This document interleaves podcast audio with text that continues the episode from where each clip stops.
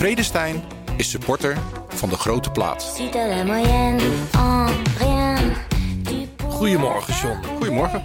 Uh, het wordt weer wat lekkerder weer. Ben je daar blij mee? Nou. Heb je al buiten gefietst? Uh, ja, een keer gegraveld, maar het is nog niet uh, veel geweest. Nee, nee. Nou, gelukkig staat de, de tax workout met Mathieu Heijboer online. Die heb je al wel gedaan. Ja, maar dat is wel bikkel hoor. Die is heavy hè? Dat is anders dan een lekker stukje gravelen. Zeker. Hey, um, vandaag een gast die we al echt een tijdje op ons lijstje hebben staan. Sterker nog, ik heb hem twee jaar geleden al eens een appje gestuurd. Zo van, hey, kom eens langs. Uh, heel begrijpelijk misschien dat hij uh, met alles wat er rondom hem is gebeurd... toen uh, niet zo'n trekken had. Ja, maar nu is hij er. Met een overwinning op zak. In Valencia. Wanneer, John, denk jij dat hij denkt dat zijn seizoen geslaagd is?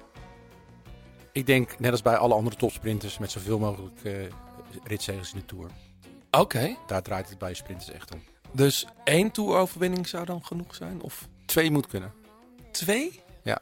Het zou zijn, uh, zijn zomer wel eens kunnen worden, denk ik. Nou, we, we gaan het horen. Um, al eventjes terug uh, namen we dit uh, nu volgende gesprek op. Dat was nog voor de Tour Down Under. en het is zijn podcast debuut. Ja, dat is toch ook wat te kijken. Leuk.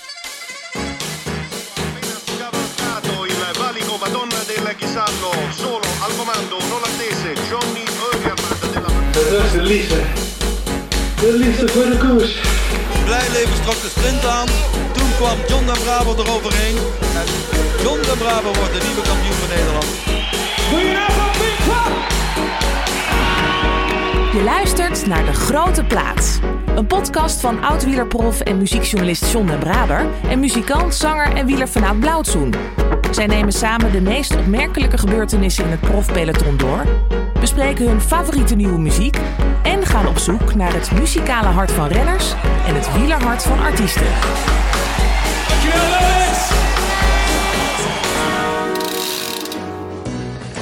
Van een afstand zie ik hem en denk... Wat een overenthousiaste wielertoerist. Een Lotto Jumbo snelpak aan, een Lotto Jumbo helm op, strompelend door het gras, langs dranghekken en publiek. Met ook nog een echte teamfiets, zelfs matchende sokken. Het is 21 juli 2016, een warme zomerdag in Megève in de Alpen. En die wielertoerist komt al vloekend boven gewandeld. Als ik dichtbij sta, dan zie ik het. Het is die nieuwe gast die vorig jaar nog bij Roompot reed. Een prof. Precies langs het tijdritparcours staat zijn hotel. Ontoegankelijk door dranghekken en publiek dat diezelfde tijdrit bekijkt. Een tijdrit waar hij slechts 166ste zou worden. In de grootste wedstrijd ter wereld. Waar hij zich een jaar later al mengt in massasprints en verdomd als eerste over de finish komt op de Champs-Élysées. Welkom, Dylan Groenewegen. Dat is een mooie introductie, het, uh, dankjewel. Weet je dat nog? Die tijdrit in Megève? ja, die weet ik nog wel goed. Uh, ja, we sliepen in een hotel, echt super dicht bij het parcours. Dat was allemaal heel fijn en uh, best een mooie tijdrit. Wel, wel lastig met dat klimmetjes. maar daarna had je nog een kleine afdaling, denk ik, naar de finish. Ja, klopt. Daar, ging, is... daar gingen een aantal jongens ook uit de bocht. Klopt, klopt. Ja, ik was dat niet, want ik kon nee. het uh, iets rustiger. Vandaar ook denk ik de uitslag. Maar uh, nee, uh, ja, we moesten terug naar het hotel. Dat was nog kilometer terug. alleen ja, het was on, ontoegankelijk. En ja, ook voor ons dus eigenlijk. En het was een beetje door het gras heen lopen. Ja, en... ik had echt met je te doen. En het duurde ook echt even voordat ik zag dat jij het was. Ja, ja, je liep daar een beetje. Het is allemaal heel goed geregeld in de tour. Maar zodra je gefinished bent, dan is het eigenlijk één, uh, ja, hè? één drama. Eén dus drama. Ja, het is wel een goed geconserveerde herinnering van jou. Want ik heb het nooit Nou, het heeft indruk ja. gemaakt. Ja, zeker. Hey, um, dat was je allereerste tour. Sowieso natuurlijk een hele bijzondere ervaring. Inmiddels heb jij al, uh, al vijf etappes in de tour gewonnen. Er zijn maar weinig uh, mensen in Nederland, en zeker actieve renners, volgens mij geen één, die, uh, die dat ook kunnen zeggen. Uh, nee, klopt. Daar ben ik ook wel, wel trots op. Uh, ja, natuurlijk hoop je nog altijd op meer. Maar ik heb ook nog wat mooie jaren voor me. Dus daar gaan we wel voor. Ja, toch? Uh, maar vijf is al, is wel heel mooi. En dat, dat is eigenlijk al een jongensdroom die, die is uitgekomen. Hey, um, Champs-Élysées 2017. Of dan toch die laatste in 2022. Wat is de mooiste? Een rotvraag. Ik denk dan toch, eh, toch de laatste voor mij, persoonlijk. Mhm. Ik denk uh, de eerste was heel mooi. Uh, dat was ook een heel mooi moment en een beetje de start van ja, eigenlijk de echte internationale carrière. Ja. Maar die laatste, dat heeft ja, qua emotie veel meer betekenis. Dus ja. Dat, ja. Daar, gaan we het, daar gaan we het zeker nog over hebben. Um, dit is je podcast debuut. Het is mijn eerste keer, ja. Wat, het, wat een eer dat je bij ons zit. Je kon heel, heel even de weg niet vinden. Je vindt het vast niet erg dat ik even moest, een heel klein beetje moest lachen toen je net in je, in je prachtige rode Ferrari hier de drempels over moest. Dat is best wel lastig met zo'n auto. Klopt, ja, je moet, uh, ja, dat is ook een beetje een handigheidje die je erin uh, moet krijgen. En uh, ja, misschien is het ook wel mooi verhaal dat ik eerst had ik eigenlijk de auto gekocht. En toen dacht ik van, eh, ja, en nu moet hij de garage in. Naar mijn belevenis ging je er makkelijk in. Ja. Um, maar ja, toen ik er helemaal voor stond was hij toch iets steiler dan gedacht. En, maar bij jou in de buurt heb je weinig drempels liggen? Ja, eigenlijk niet. Nee. Het is allemaal boeren, boerenlandweggetjes. Dus uh, ja, daar kom ik wel uh, prima overheen. Wat voor, wat voor een uh, type is het eigenlijk? Een 488 GTB. Ja, staat je goed hoor. Ja, ik ben er ook echt. Ik heb toen na mijn laatste toerzege heb ik, of mijn etappezege heb ik gezegd van... ja, nu wil ik mezelf echt een mooi cadeau geven. En ik ben eigenlijk al een paar jaar voor aan het kijken. En toen zag ik deze en daar was ik eigenlijk gelijk verliefd op. Dus, was dat een jongensdroom, zo'n zo'n auto uitrijden? Ja, ja, eigenlijk wel. Het, ja, toen ik klein was speelde ik altijd met Ferraris en uh, vond ik het altijd heel leuk om, uh, ja, om auto's te kijken en de wielen en uh, ja, vooral de kleur rood in de Ferraris. Ja, ik wou net zeggen, aan. moet die ook echt rood zijn? Ja, zeggen dat de originele kleur geel is, hè. Dus, Terwijl altijd die Lamborghinis zie je altijd in geel of wit. Klopt, voor ja. mij is een Lamborghini moet een beetje geel zijn en Ferrari, ja. dat zeker als je er eentje in je eerste hoort, echt wel voor mij gewoon rood zijn. Maar ik heb mijn eerste nog niet gekocht, John, jij wel? Ik, ik, heb helemaal niets met auto's. ik heb een fijne auto die je lekker rijdt. Ja. En, uh, maar... Hey, Dylan, hoe, hoe, hoe is het met je? Ben, je? ben je alweer volop in training? Of, want we nemen dit uh, eind december op. We komen iets later online. Maar uh, hoe, hoe is het? Ja, gaat goed. ik was zelf naar Spanje geweest en daar ja, een mooi trainingskampje gehad. het was echt super goed weer in Spanje. Dus met dat, de ploeg? Of, nee, de ploeg ging iets later. Maar ik had van tevoren hadden we besloten dat ik mijn rust een klein beetje... omdat ik al iets eerder was begonnen met trainen. Dus nog even drie, vier dagen wat, uh, wat gas terug te nemen. Nog heel even met de familie te zijn. Ja. En uh, ja, vanaf nu is het echt volle bak. Waar en, heb je gezeten? Um, ik heb ben drie dagen naar Disney geweest. Dus echt met de familie heel even ertussenuit nog. Ja. Normaal doen we altijd met Disney, uh, doen we even nog twee of drie dagen even weg. En nu hebben we dat iets eerder gedaan en ja, is het met kerst dan maar trainen. Ja, maar, maar, en, en, maar Disney, in Parijs bedoel je? Ja, klopt. Ja, ja. lekker ja. Nee, Amerika, dat was wel. dat nee, wel nee, ik zat te denken, je zat in, we hebben in Spanje, daarna ben je naar Spanje geweest. Nee, daarvoor. Ik ben daarvoor echt naar Spanje geweest, twee oh, ja. weken en heel veel uren gemaakt. Um, ja, toen eigenlijk meteen door naar, uh, naar Disney, even drie dagen. En uh, even met de familie, opa's en oma's mee. En uh, nog even genieten. En ja, vanaf nu is het. Hey, geen, geen Tour Down Under voor jou? Nee. Nee. Nee, zoals we ook wel gezien hebben, is er ook nog een uh, tweede sprint erbij gekomen. Gaan we het ook over hebben. oh, gaan we het ook nog over later. hebben. Maar die gaat. ja, um, Uh, we praten uitgebreid over jouw carrière. We blikken heel erg vooruit ook op het, op het nieuwe jaar. Want het seizoen is, uh, ja, is al zo'n beetje begonnen.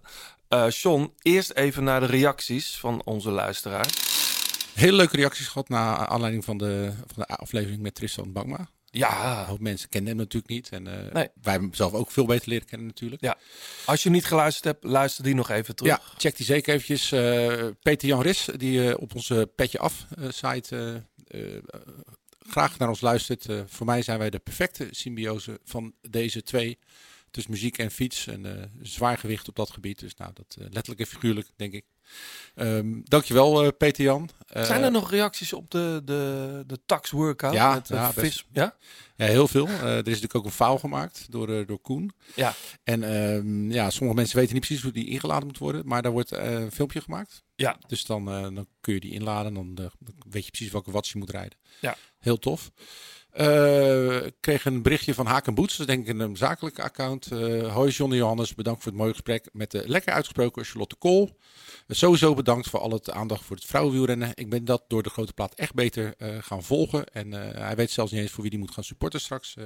onderaan de Eiffeltoren. Dat is nou hartstikke leuk. Wij, wij vinden het ook hartstikke tof om... ja, Lorena Wiebes denk ik hè? Ja, veel met vrouwenwielrennen te doen. Uh, Tom uh, Tornij, die, uh, ja, die vraagt zich af waarom wij eigenlijk onze leader niet echt altijd recht aan doen. de, de, de renners, de muzikale smaak van de renners, maar ook de artiesten met een, met een wielerhart. ja. Hij zou graag wat meer artiesten zien en ja, wij willen dat ook graag. Alleen Die zijn niet echt... eh, Nou, ik heb vanochtend nog een artiest aan de lijn gehad. Oh, oh, En die wil langskomen. dat is ook nieuws voor mij. Ja, maar ik moet wel zeggen, wij nemen artiesten natuurlijk in de breedste. eh, in de, hoe zeg je dat? We hadden laatst nog Robert-Jan van Noord, vormgever, eh, hier. Eh, we hebben Apple Skull gehad. We hebben ook wat schrijvers gehad. Ja. Eh, Wilfried de Jong was hier ooit. Dus het gaat niet per se alleen over muzikanten. Nee. Dat is misschien wel goed om te weten. Ja. Artiesten in de breedste, eh, in de breedste... Hoe zeg je dat nou netjes? Zin van het woord. In de breedste zin van het woord. Kijk, daar is die. Goedemorgen zeg. Het is nog vroeg. Ehm, even kijken hoor. En dan, eh, ja, toch wel een vriend van de show, eh, Conrad Berghoef. Die, eh, die heeft een hele mooie reactie op, eh naar aanleiding van de, van, de, van de aflevering met Tristan. Dank jullie wel voor, voor deze podcast en de aandacht die jullie daarmee schenken aan de Paralympische sporters. Ik vond het verhaal van Tristan erg inspirerend, vooral ook omdat jullie daar aandacht vestigden op wat voor bul hij is op de baan en de weg. Ik wil er niet allemaal een how can I make this about me van maken, maar zelf fiets ik ook met een beperking rond vanwege mijn spierziekte MMN. In februari doe ik mee met een ride eh, The World for MNN, waar we met een aantal mensen in totaal 40.000 kilometer bij elkaar willen fietsen. Ongeveer het aantal mensen met deze diagnose. En ook ongeveer de aardomtrek. Nou, heeft hij een pagina, die gaan we in de show notes delen. Dus eh, Zeg jij pagina of pagina? pagina. Ja. dat zat nou weer. Hoe dan ook, nogmaals dank voor deze uitzending. Nou, eh, sowieso heel succes, eh, Koen, met die, eh, met die actie. En, Ja? eh, Zullen we die in de show notes zetten? ja, zeker. En we gaan ook een nieuw shirt. ik weet niet of hij ons shirt heeft een keer gewonnen. Maar sowieso een nieuw shirt richting Conrad. Dan kan hij daar mee fietsen als hij dat wil. Of in ieder geval mee gaan trainen. MMN. Ik, ik ken, die Ik ken het ook niet, maar we zullen Nee. het even, even opzoeken. Dus, Ja. dus dankjewel voor, voor die reactie. Ja, nou, over Petje afgesproken. We hadden net al een, een reactie ook van Peter Jan op, op de petjeaf.com eh, site. Er is een, staat net weer een hele eh, gloednieuwe episode online. Dat zijn exclusieve episodes, afleveringen die we maken. Speciaal voor de mensen die ons supporteren. Die betalen en we zijn iets in prijs gestegen. De cappuccino's zijn iets duurder geworden. Eh, en de havenkappus ook. 5 euro per maand betaal je. Of, en dan krijg je vijf maanden gratis, 35 euro per jaar. En daar eh, maak je deze podcast mede mee mogelijk. Eh dan krijg je dus voor terug exclusieve aflevering. En heel veel korting op dat 36, de grote plaat, shirt. Wil je ons ook supporteren? Ga dan naar petjeaf.com slash de grote plaat. Je luistert nog steeds naar De Grote Plaat. Heb je tips of heb je een vraag? Laat het dan weten via Twitter, het Grote Plaat of Instagram. En laat een reactie en een beoordeling achter op Apple Podcast. Het is winter en ik merk dan altijd bij artiesten ehm, dat ze op zoek gaan naar nieuwe tatoeages. Want de zomer leent zich daar niet voor. Ik ben heel benieuwd, is er nog iets bijgekomen? Nee, eh, nog steeds niet. Nee, ik wil Nee. nog steeds wil ik hem helemaal eh vol hebben. Ja, dat mijn- weet ik, ja, rechterarm. Maar eh, ja, het komt elke keer een beetje ongelegen. En ja, eigenlijk meteen na het seizoen ga je even op vakantie met de familie weg. Ja, Ja, en dan beginnen je trainingen weer. Dan, eh, ja, dan ga je ook geen tatoeage nemen. maar dit is wel de periode eigenlijk toch? Niet heel veel zon. Of ja, jij zoekt dan de Klopt. zon in Spanje op. Maar eh, Klopt. Ja, alleen met trainen, het, eh, ja, het geeft toch ja, een beetje schaal. Want het, geeft toch wat, het kost toch wat energie. ja. En met trainingen gaat het gewoon niet, niet goed samen. Dus Oh, echt? waarschijnlijk Qua energiehuishouding. Je bedoelt, ja, het is natuurlijk gewoon een wond die je maakt Klopt. met een tatoeage. klopt. Dus ja, het moet eigenlijk of gelijk na het seizoen. Dus misschien moet ik dat volgend jaar even, eh, ja, Maar heb jij een soort lijstje van, van dingen van, nou, dit moet er nog op? Nou, ik heb wel met tatoeages moeten voor mij wel een betekenis hebben. En Ja. het hoeft niet... eh, ja, ik moet niet een random eh, iets erop hebben. Dus ik vind het nu nog mooi om een tatoeage van mijn opa of iets erop te hebben. Oh ja. Een herinnering. Ja, en dan moet ik nog heel even verder gaan kijken wat ik dan nog, dan nog wil. Ja, maar heb je, dat, je hebt nog niet een afbeelding of zo of iets? Of, eh, Nou, mijn opa die was altijd framebouwer eh, Ja. geweest. En die had dan zijn eigen logo's, eh, zijn plaatje voor op het frame. Dus het lijkt me wel mooi om Oh, dat echt dat op, mijn- aan de binnenkant van mijn bovenarm te hebben. want, want hij heeft dus ook ooit jouw allereerste koersfietsje gemaakt, toch? Klopt, dat is een heel klein fietsje en die moest echt helemaal aangepast worden. En ja, ook de cranks werden afgezaagd door de helft, want anders kwamen ze op de grond. Ja, Ehm, dus ja, helemaal opnieuw met schroefdraad getapt en ja, alle buisjes samengezocht. En, want Ja, hij was wel- framebouwer of hij had gewoon een fietsenwinkel? Hoe zit dat? ja, fietswinkel framebouwer, dat eh, merk Stieleman toen de tijd. Ehm, ja, dat, eh, die maakte echt wel mooie dingen. En eh, ja, ook voor mij heeft toen een heel speciaal fietsje gemaakt die, eh, ja, die nog steeds in de winkel hangt. Oh, die hangt, ja, dat wilde ik net vragen. Die hangt in de winkel. Ja, die hebben we nooit meer, eh, nooit meer echt weggedaan. Dus die heeft nu echt met een foto van hem erachter. Ja, maar je eh, zou kunnen zeggen, want ik weet hoe oud is jouw zoon nu? Zoontje? hij wordt bijna drie. Hij wordt bijna ja, dat drie is jaar. nog net te klein, ja, hè? 2 daarvoor. januari. Gaat nog net niet lukken.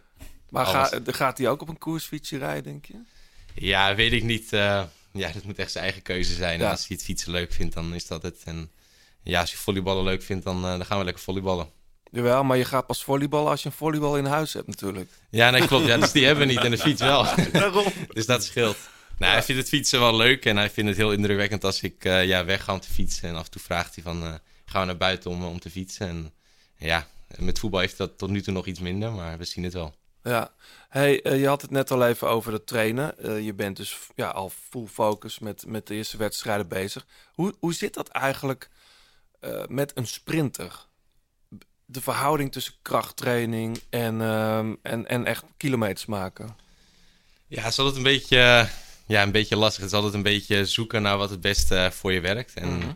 ja, ik denk de afgelopen jaren, ja, vo- tenminste de afgelopen twee jaar voelde ik gewoon mijn sprint was gewoon niet zoals het hoort te zijn voor mijn gevoel. Oh ja, En zeker afgelopen jaar Tour, ik denk dat de conditie was supergoed. En ja, ook om omhoog gereden was, eh, was supergoed.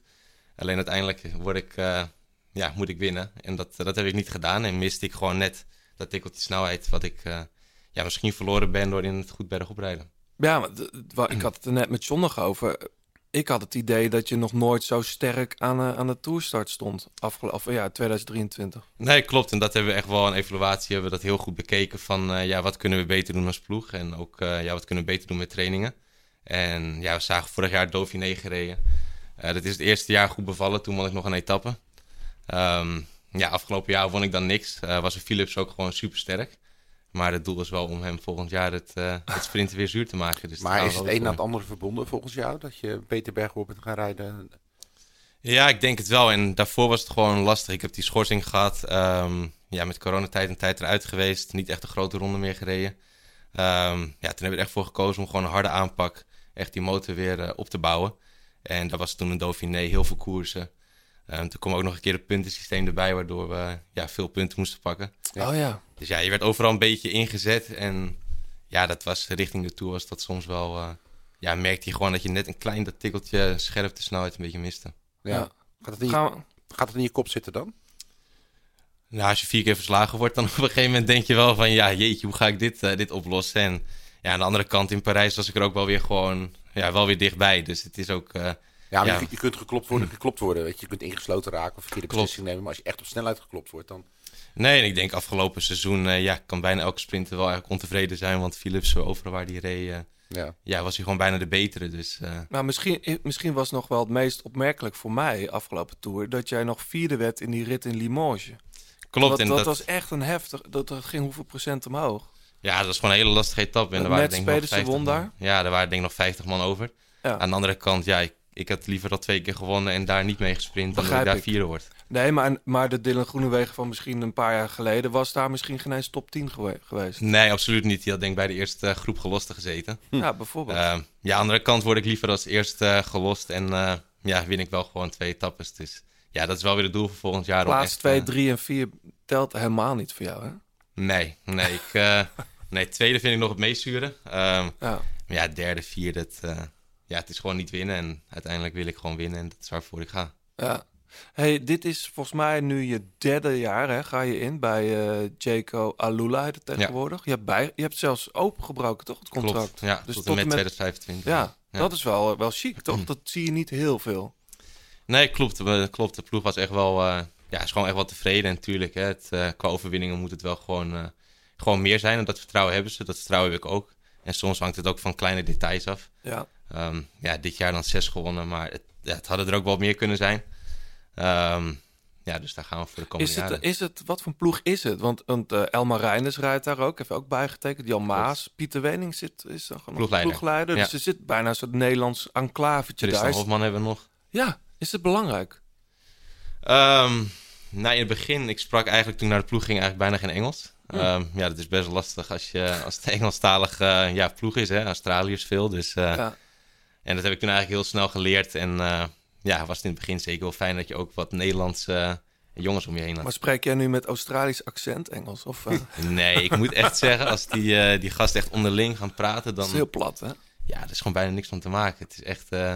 dan zeg je ook van, kunnen jullie een beetje, een beetje rustiger of een beetje duidelijker praten? En dan, ja, dat doen ze dat ook wel. Maar was het ook een cultuurshock voor jou eh, als je van, het moment dat je van Jumbo naar zo'n team gaat? Ja, ik heb dan gelijk het idee, Australië is een beetje meer vrij buiten, een beetje wat meer laid back. Of... Klopt, dat idee had ik in het begin ook wel een beetje van, eh, ja weet je, ik ga nu bij Jumbo weg. Eh, het is misschien wel de meest professionele ploeg die er, ja, die er op dit moment bestaat. En ja, eigenlijk gelijk toen ik op de trainingskamp kwam, toen, ja, ik had net één dag getekend en toen ging ik meteen op trainingskamp met, met mijn nieuwe ploeg, uh, Jake Walula toen. Ehm, dat er ook meteen koks bij waren en ja, dat het eigenlijk ook gewoon echt professioneel was en echt super goede mechaniekers. En ze waren wel iets vrijer, al worden de, de riemen nu wel een beetje meer aangetrokken, wat denk ik ook wel goed is. Was dat, was dat een moeilijke keuze voor jou, om, om, om bij dat vertrouwde nest weg te gaan? Je zat toch een beetje op een doodspoor eh, qua grote rondes misschien? Eigenlijk niet. Ehm, ja, het, het klinkt wel heel moeilijk, omdat ik daar, denk ik, zes jaar uit mijn hoofd heb ik daar voor Jumbo, eh, ja, voor Jumbo, Jumbo Visma, Lotte Jumbo gereden. Ehm, altijd heel erg naar mijn zin gehad. Alleen het laatste jaar was het gewoon, tussen mij en de ploeg was het ook gewoon een beetje op en had ik ook gewoon een nieuwe energie nodig. Ja. En ik denk dat de ploeg dat ook wel heeft ingezien en uh, ja, zodoende waren we er redelijk snel uit. Ik kan me voorstellen dat als sprinter wil je natuurlijk zoveel mogelijk toeretappes gewoon uh, op je Wikipedia hebben staan, want dat is het podium. Klopt. Snap jij, je kan natuurlijk niet voor een ander praten, maar snap jij dat er gaat de keuze van Kooi om te blijven bij Jumbo? Ja, ik weet natuurlijk niet wat zijn voorwaarden of van de voorwaarden van de ploeg of zijn voorwaarden zijn geweest. Hè. Misschien, uh, ja, wie zegt dat hij volgend jaar niet naar de Tour, hè? dat, dat ja. weet je ook niet. En um, ja, wat ik van hem begreep is zijn keuze dat hij echt uh, wil investeren in zijn carrière. Um, ja, wat ik heel knap vind dat hij, dat hij daar nu over nadenkt. Aan de andere kant had ik denk ik wel een ander, uh, ander pad gekozen, ja. Jij, uh, jij won ooit als, als belofte. Ik moet er ineens ook aan denken, omdat je het over Olaf Kooi hebt. Je won als belofte de Ronde van Vlaanderen. Klopt. Dat, ik kan me dat haast niet meer voorstellen dat jij zo'n type renner was. Um, ja, bij de belofte was ik nog wel iets allrounder. En heb ik eigenlijk ook nog wel lange tijd gedacht dat ik nog wel een redelijke klimmer zou zijn. Ja, dat viel bij de profs uh, viel dat heel snel in het water oh, ja? bij Rompeldree.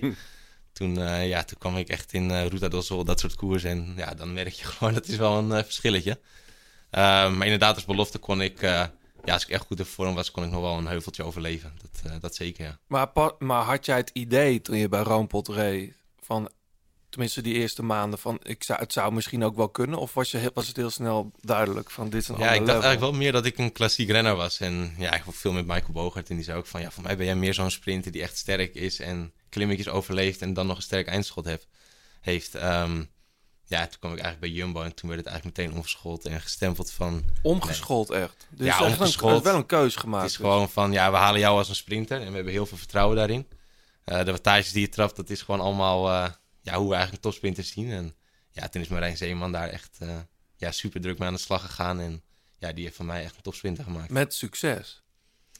Zeker, ja. Ja, dat was veel afzien, maar ja, hij heeft er wel echt heel veel werk in gestoken en heel veel meegeweest met de sprinttraining. En ja, echt het, het palmares heb ik ook zeker wel Marijn te danken, ja. Is het, is het zo dat, nu nog niet hoor, maar misschien over twee jaar, over drie jaar, dat, dat je ze weer terug zou kunnen vormen naar een iets meer allround rennen? Of is dat... Ja, ik denk dat je wat je, ja, een beetje wat, wat je vroeger zag terug in de jaren, dat echt sprinters, die konden ook nog wel echt lange tijd mee in de klassiekers. En ik denk zoals een Ronde van Vlaanderen, dat die echt wel, die zijn wel zo zwaar geworden dat het gewoon bijna onmogelijk is. De koersen worden ja. veel eerder opengebroken. Katja wint daar, weet je wel. Ja, en ze, en ze beginnen er op 120 kilometer aan. Het is, mm -hmm. uh, ja, het is gewoon lastig. Het, uh, ik denk dat het heel moeilijk wordt. Misschien dat een Roubaix nog kan. Gent-Wevergem, maar dan houdt het denk ik al wel redelijk op. Ik moet ineens aan die Ronde van Vlaanderen denken dat jij in die vroege vlucht zat. Ja. Toen heb je volgens mij honderd keer meegesprongen in het begin. Ja, dat, dat was, uh, was dat. Ja, wat je als sprinter hebt is dat je heel explosief bent. Dus dan liet je ook in een groepje weg, uh, of ja, wegrijden, dan reed er een groepje weg en dan sprong je erachteraan. En dat, mm -hmm. dat ging wel goed. Uh, maar inderdaad, de Ronde van Vlaanderen, het is echt een enorm gevecht om in de vroege vlucht te komen. Ja, uh, ja ik reed toen bij Roompot en het was van, als we maar in beeld komen, dan, dan is het goed, weet je. Oh ja. Dus ja, ik zag dat een beetje als mijn Maar toen ging je lang mee, toch? Ja, wel redelijk. Ja, toen echt Daniel Ossen voor mij stond ja. er ook zo bij. Dus op een gegeven moment was het bij mij wel leeg en veel te weinig gegeten. Ja, ja kon, hey, dat, uh, kon dat gewoon niet. Jullie, jullie kennen elkaar, John, want jij bent volgens mij nog ploegleider van, ja, van Dylan geweest. Blauwe maandag. Bij de Rijken? Bij, bij de Rijken, ja. Maar dat, dat is heel dat, kort geweest, denk ik. Ja, ik was een soort uh, interim. Uh, de, de toenmalige ploegleider die ging weg. En toen heb ik het seizoen afgemaakt. Maar de, voor, in mijn beeldvorming was dat niet echt jouw beste periode. Want ik, ik weet niet in welk jaar dat ook was. 2013. Want ik weet nog goed dat jij, jij reed toen die Port Classic in, eh, in, in Rotterdam. Klopt. En toen ja. kwam jij er echt helemaal niet aan. En de Nee. Olympia Tour, valpartijen ingesloten zitten. Toen dacht ik van oei. Nee, klopt. Dat was Toen even... maakte eh, geen stap dat jaar. Dat, eh, Nee, het was denk ik 2014 was dat. Was net Ja, het jaar voordat klopt, ik eigenlijk ja. de stap naar Romp Ja. ging maken. En 2014, ja. ja, toen, begin van ik, toen won ik Ronde van Vlaanderen won ik toen. En ja, voor mij nog wat eh, klassiekers won ik toen. En toen ineens was het een beetje... Toen had ik eigenlijk al getekend bij, eh, bij Cannondale. Oh ja, dat is En bij mij was toen ook wel van, we gaan nu even een rustperiode. En toen kreeg ik eigenlijk een bericht van, eh ja, Cannondale stopte mee en eh, op zoek naar een nieuwe ploeg. Oh joh. En dat was bij mij toen wel mentaal een beetje zo'n knak van, eh, ja, jeetje, en, eh, en nu? Ja. Dus dat, eh, ja, toen vielen ook de uitslagen vielen toen tegen en eh, ja, het ging toen allemaal niet zo, eh, niet zo vlekkeloos. Wat was jouw indruk dan, John? Toen? Want ja, wat, als je ziet waar. Dylan... Waar, nee, een prutsen, nee. Maar als je ziet nee, waar, maar- waar, waar Dylan nu is... Ik bedoel, vijf tour-etappes verder en nog veel meer, weet je wel. Maar Nou, je moet natuurlijk naar de basis kijken. En eh, hij, wint, hij zegt, ja, ik, ik kon een heuveltje overleven. Maar als je natuurlijk de Ronde van Vlaanderen wint bij de belofte... dan kun je meer dan een heuveltje overleven. Eh, gewoon een goede allround renner. Maar ja, toen was het al van Dylan, dat is een sprinter. En je had toen een tijd dat toen al Koen vermeld wordt. En eh, ja, vooral die Olympia Tour, dat was het podium waar je, waar je het moest doen in Nederland. Ja, en dat lukte gewoon allemaal niet. Dus het, was, het zat allemaal gewoon een beetje, een beetje tegen. En eh, ja, dan zie je maar het belang van een goede pro-continentale ploeg. Ik bedoel, misschien als Roompot niet was geweest, had Dylan nooit die stap kunnen maken op het moment die nodig was. nou ja, het- in dat jaar van Roompot... Klop jij Tom Bonen in de Brussels Classic. Tenminste, ja, dat heet... Was het toen nog Parijs-Brussel? Ja, de Bru- Cycling Brussel. nou, dat Brussel is voor sprinters wel echt een, een, een behoorlijke Ja. prijs. Klopt, ik won toen net... eh, eigenlijk vanaf het NK ging bij mij toen een beetje... eh, toen begon het een beetje te lopen. En dat was het NK dat Terpstra won, volgens mij. Eh, vanuit een beetje een gekke, gekke sprint eh, situatie. Mhm. Oh, in Emma was dat. Klopt. Ja. En eh, ja, toen was bij mij zo'n beetje het gevoel... Ik had daar wel het gevoel dat ik... eh, ja, ik werd toen vierde. Maar dat, eh, dat had wel meer ingezeten. Het liep in de laatste bocht, liep het een beetje gek. En ja, Heel Sinkel- glad was het toen, hè? Ja, Sinkeldam die ging heel vroeg aan met Terpstra in het wiel. En daarachter viel een beetje een gat. En daarachter zaten Van Poppel en ik. En ik werd vierde. Maar daar had voor mijn gevoel wel meer ingezeten. Mhm. En vanaf toen begon het ook een beetje, een beetje beter te lopen. Ehm, ja, de Neko toen nog, werd een paar keer vijfde, een keertje zesde volgens mij. Ja, toen won ik inderdaad in Veenendaal en toen ja, inderdaad de Brussel eh Cycling Classic. Is, is dat een bevestiging van dit is de, de, de goede keus geweest om, om sprinter te worden, zeg maar? Ja, dat was bij Rompo natuurlijk nog wel iets minder, hè, dat je echt het stempel sprinter daar Nee, maar heel omdat. Bogert Michael heeft dat wel tegen je gezegd, toch? Van, Ja, ik denk dat je meer een sprinter bent dan een... Nou, Michael zei eigenlijk vooral van, ik denk dat je ook wel een round bent. En je moet ook vooral eh, ja, blijven investeren in een beetje het klimmen. Ah, oké. En dat was ook wel... Andersom. Maar dat Ja. is zijn voorliefde waarschijnlijk. Ja, daar houdt Boogie ook wel van. Die Ja. vindt voor mij echt aan een pure sprinter vindt hij niet zoveel aan. Maar eh, een beetje dat around en zware koers, een mooie koers, dat, eh, dat vindt hij mooier. Ja. Nou ja, je hebt natuurlijk wel een, eh, een unique selling point als je er nog aan kan hangen. Klopt. Dat je de Erik Sabel van je generatie wordt. Ik bedoel, eh, Nou ja, ik had toen wel het idee dat, dat het jouw ticket, maar misschien was het al eerder was, maar wel jouw ticket naar de World Tour was. Ik bedoel, Ja, klopt. En daarna, daarna toen zou ik eigenlijk naar het WK gaan in Amerika. Ehm, ja, toen reed ik nog één koers in voorbereiding. Toen zei Bogert ook van ga maar gewoon lekker koersen en dan zie je het wel. Ja, toen reed je op het einde met zes man weg met de bus eh, eh, nog wat gasten. oh ja, dat Ja, toen kwam, ook. ja, toen kwam die sprint in eh kampioenschap van Vlaanderen. Ja, toen belandde ik in de hekken. Dus toen eh, ja, was het WK ook meteen over een streep doorheen. Terwijl ik daar als favoriet heen zou gaan. En dat was wel eh, ja, ja, jammer. Gelukkig wel getekend. Dus dat was voor mij je eh, had fijn. al getekend toen. Ja. Ja. ja. Ja, inmiddels, want ik heb dat helemaal nog niet genoemd. eh, inmiddels een bizar mooi eh, palmares. Nederlands kampioen dus. Kuurne, Brussel Kuurne. Vergeten mensen nog wel eens, maar die heb je ook eh, gewonnen. Klopt, de ezel staat thuis, ja. Ja, het is echt waar. Ja. Ja, grappig. Nou, die Brussels Cycling Classic natuurlijk. Drie rit in Parijs-Nice. Drie in de Tour of Britain. Vijf rit in Noorwegen. Vijf keer in Veenendaal. Ehm, twee etappes in de UAI. Eh, en natuurlijk... Lastig eh, uitspreken altijd. ja, maar ik zeg, wij zeggen altijd UAE, maar dat- ik moet altijd aan Ed de Groei denken als ik Ja, dat zeg. ja. Dus dat is eigenlijk niet goed. Maar, ehm, ja, en natuurlijk die, die vijf Tour-etappes. Eh, we hadden het, eh, en daar zullen we het nog ze- zeker veel over hebben, over de Tour. Ehm, er is een massasprint in de Tour. Waarvan iedereen, ik denk zeker in Nederland, en ik ook, ik was er ook bij, zeker weten dacht dat jij die voor 99% zou kunnen winnen. En daar het geel zou pakken. Eh, Brussel 2019. Ja. Dat, wa- wat, dat, dat, ja, dat liep even anders. Ehm, bizar genoeg pakt een ploeggenoot van jou toen, Mark Teunissen, het geel. Ja, gelukkig wel. Dat was normaal gesproken... jij, jij kwam daar gewoon maar voor één ding, toch? Die gele trui. Ja, ik moet zeggen dat het ook wel door de media echt zo Oh ja? gedraaid. En ja, dat het alleen maar het geel voor mij was het belangrijkste die etappe winnen. En ja, daar kwam dan iets heel moois bij. Dat was dan de gele trui. Mhm.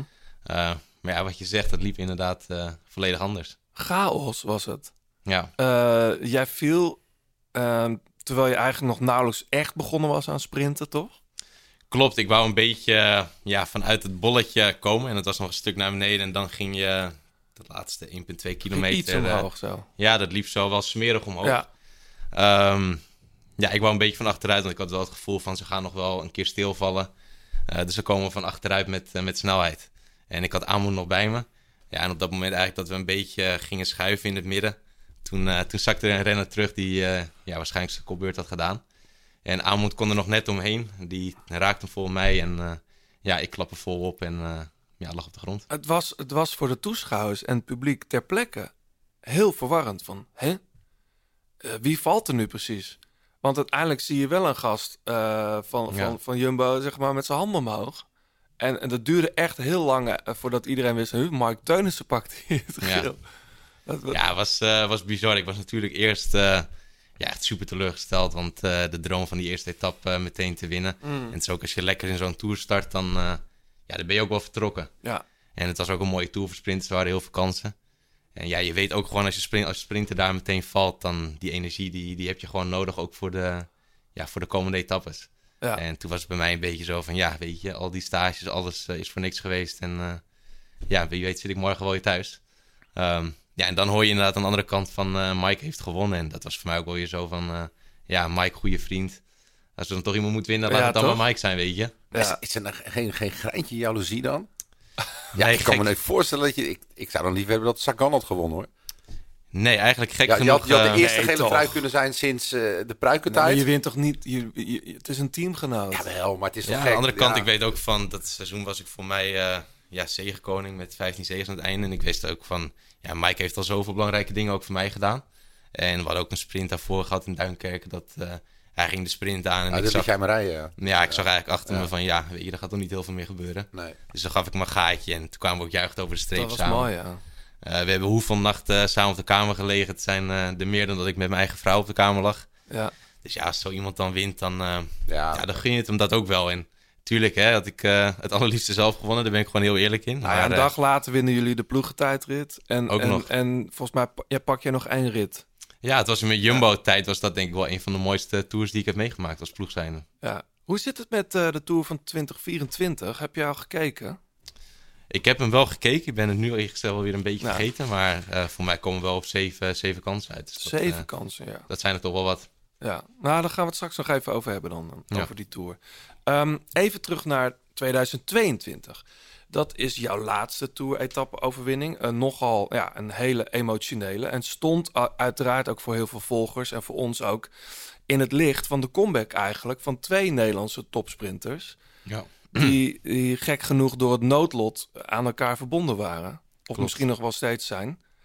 Ehm, heb jij daar toen met die overwinning, dat hele rotgevoel van die hele rotperiode, eh, is dat toen afgesloten? Of, of kan dat eigenlijk niet met een overwinning? Ja, dat ga je niet per se met een overwinning echt helemaal afsluiten. Maar het was meer gewoon voor mij. Ik heb ook in de familie heb ik heel veel meegemaakt rond die tijd. En eh, ja, ook met de geboorte van ons eh, zoontje en alles wat er toen is bij komen kijken. Het verlies van mijn opa. Dat was Ehm, allemaal in dat jaar da- daarvoor. was in dat jaar. Ja. Ja, allemaal dat en- jaar. Ja. Dus ja, ook in, een van de laatste dingen dat mijn opa zei: van ik hoop dat je ooit nog een keer in de tour ging winnen. En eh, ik hoop dat je nog terugkomt om, ja, om überhaupt weer prof te zijn. Ja, dat, dat zei hij nog- tijdens jouw schorsing. Klopt, dat was toen nog best wel onzeker of ik er nog wel zin in zou hebben en of ik het nog zou kunnen opbrengen. En als je dan in de Tour wint, dan eh, ja, komt dat er allemaal uit, ja. Ja. Vroeg me nog af, en er is destijds heel veel over gezegd. Ik zat ook in die tour in Denemarken aan tafel bij Marcel Kittel.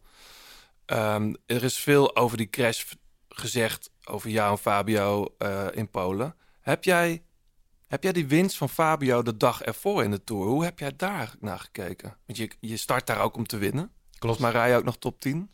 De Ja, ik, ehm, ik verprutste die sprint. Dat eh, was met die brug, toch? Met die, eh met ja, daar chicane. knalde ik het eh, volledig zelf. En ik zat ervoor een beetje ingesloten. En ja, raakte toen het wiel van, eh, van mijn lead-out mannen kwijt. Die het eigenlijk heel goed deden. Maar ik zelf knalde het gewoon. Dus daar, eh, ja, daar was ik vooral heel erg boos om. En natuurlijk, ik weet ook wat Fabio heeft meegemaakt. En dat hij dan won, dat eh, ja, was meer dan verdiend. Dat, eh, dat Ja. zeker. Alleen op dat moment baalde ik van mijn eigen, eigen kans die weg was. Ja, en toch merk ik, maar misschien is dat, merk ik dat het hele jaar al een beetje bij die after finish, weet je, die snelle quotejes, dat er wel, er zit een vechtlust in, ja, want je gaat alleen voor winst.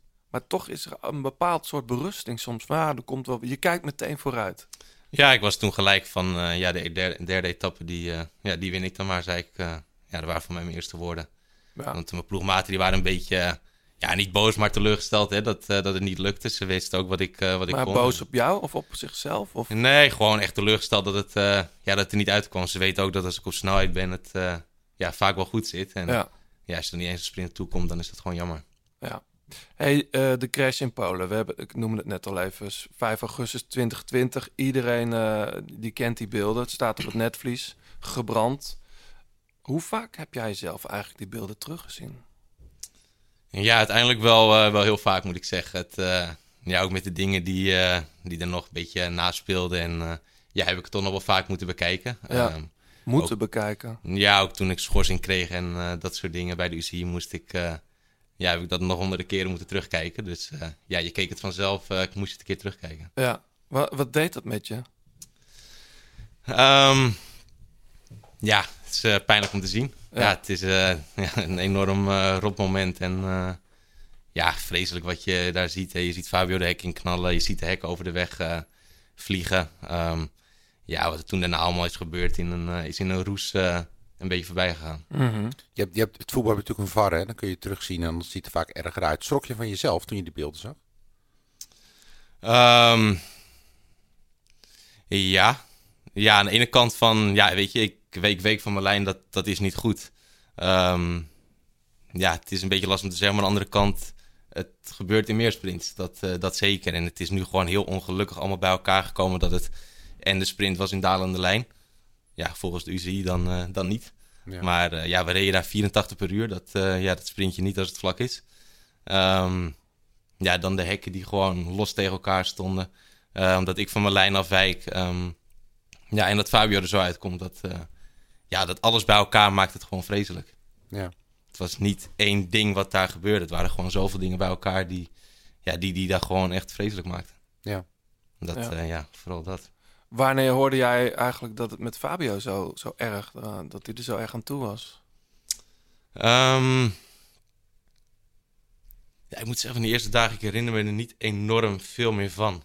hoe, Ehm, hoe komt dat?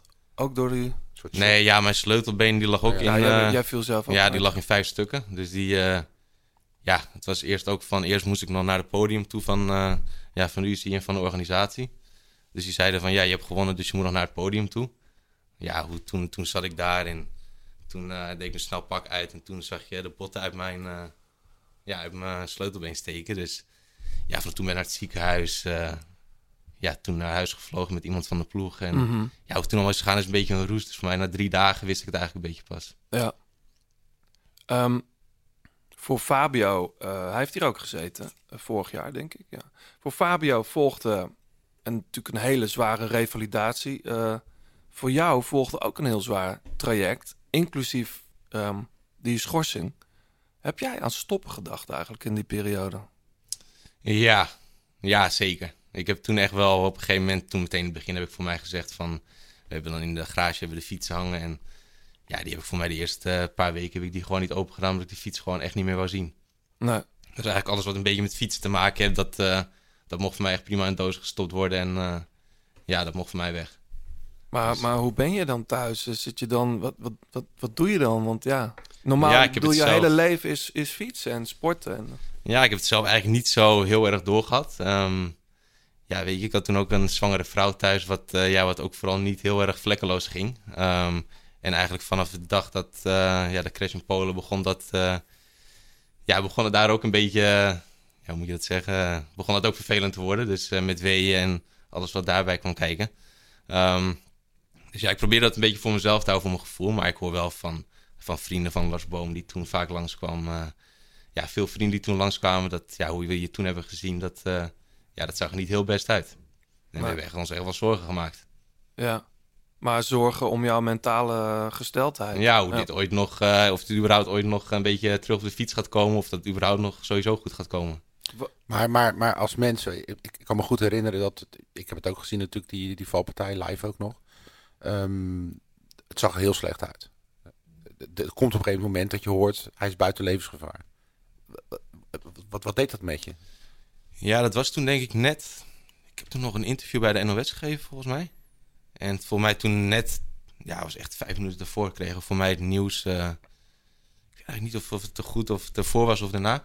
Maar dat hij toen buiten levensgevaar was. Ja. En dat was voor ons wel zo'n eerste van... Oké, hij is in ieder geval buiten levensgevaar. En ja, dan is het nu afwachten hoe zijn volgende traject... en of hij überhaupt gewoon ooit weer helemaal gaat functioneren. Maar, maar voor jou, ik, bedoel, ik kan me voorstellen dat je dan dat je moet huilen of dat, dat alles van je afvalt, want het, het is nog wel wat. Ja, daarom denk ik dat het ook voor het eh, NOS-interview was. Dat, eh, ja, het interview, ik herinner me niet superveel meer van. Nee. Maar daar zie je inderdaad wel, eh, ja, bij mij ook heel veel emotie wat, eh, ja, wat logisch is. Ja. Wat, wat hield jou op de been uiteindelijk? Want je, be- je bent er weer en je bent glorieus teruggekomen. Maar hoe, hoe, wat is die eerste stap geweest? Als jij niks meer met fietsen te maken wil hebben, zelfs niet meer in de garage kijkt omdat daar fietsen hangen. Ehm, ja, dat is denk ik vooral de zwangerschap geweest van, eh, ja, van mijn vrouw. En eh, ja, dat, eh, ja, dat onze zoon geboren ging worden, dat heeft me vooral echt, echt op de been gehouden, denk ik. Ja. Mhm. Dat echt dat doorzetten en ja, ziekenhuis in, ziekenhuis uit. En ja, je weet je, je ging wel weer in cruise control naar, naar het ziekenhuis. En ja, om dat allemaal... Dus Ja, eigenlijk de zorg daar, dat dat goed zou komen, heeft je eigenlijk eruit ge...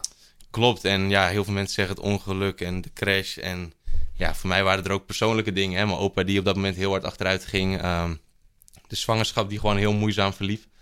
Dat, eh, ja, dat kreeg voor mij vooral de aandacht. Ja, en dan tussendoor nog een keertje een tripje naar Zwitserland. eh, ja, een beetje dat soort dingen. Ja, Eh, en je bedoelt de UCI. klopt. Ja, Ja. Om daar te horen wat je daar allemaal fout gedaan zou hebben of gedaan had. Kon jij mee leven met die schorsing eigenlijk? Ehm, is wel een goede vraag. Ehm, nou, eigenlijk als ik nu kijk, vind ik negen maanden ja, veel te lang. En dat komt vooral om het feit van, weet je, er zijn ook wel weer dingen daarna gebeurd. En ook jongens die, want de UCI die wijst heel erg van, hij is van zijn lijn afgeweken. Ja.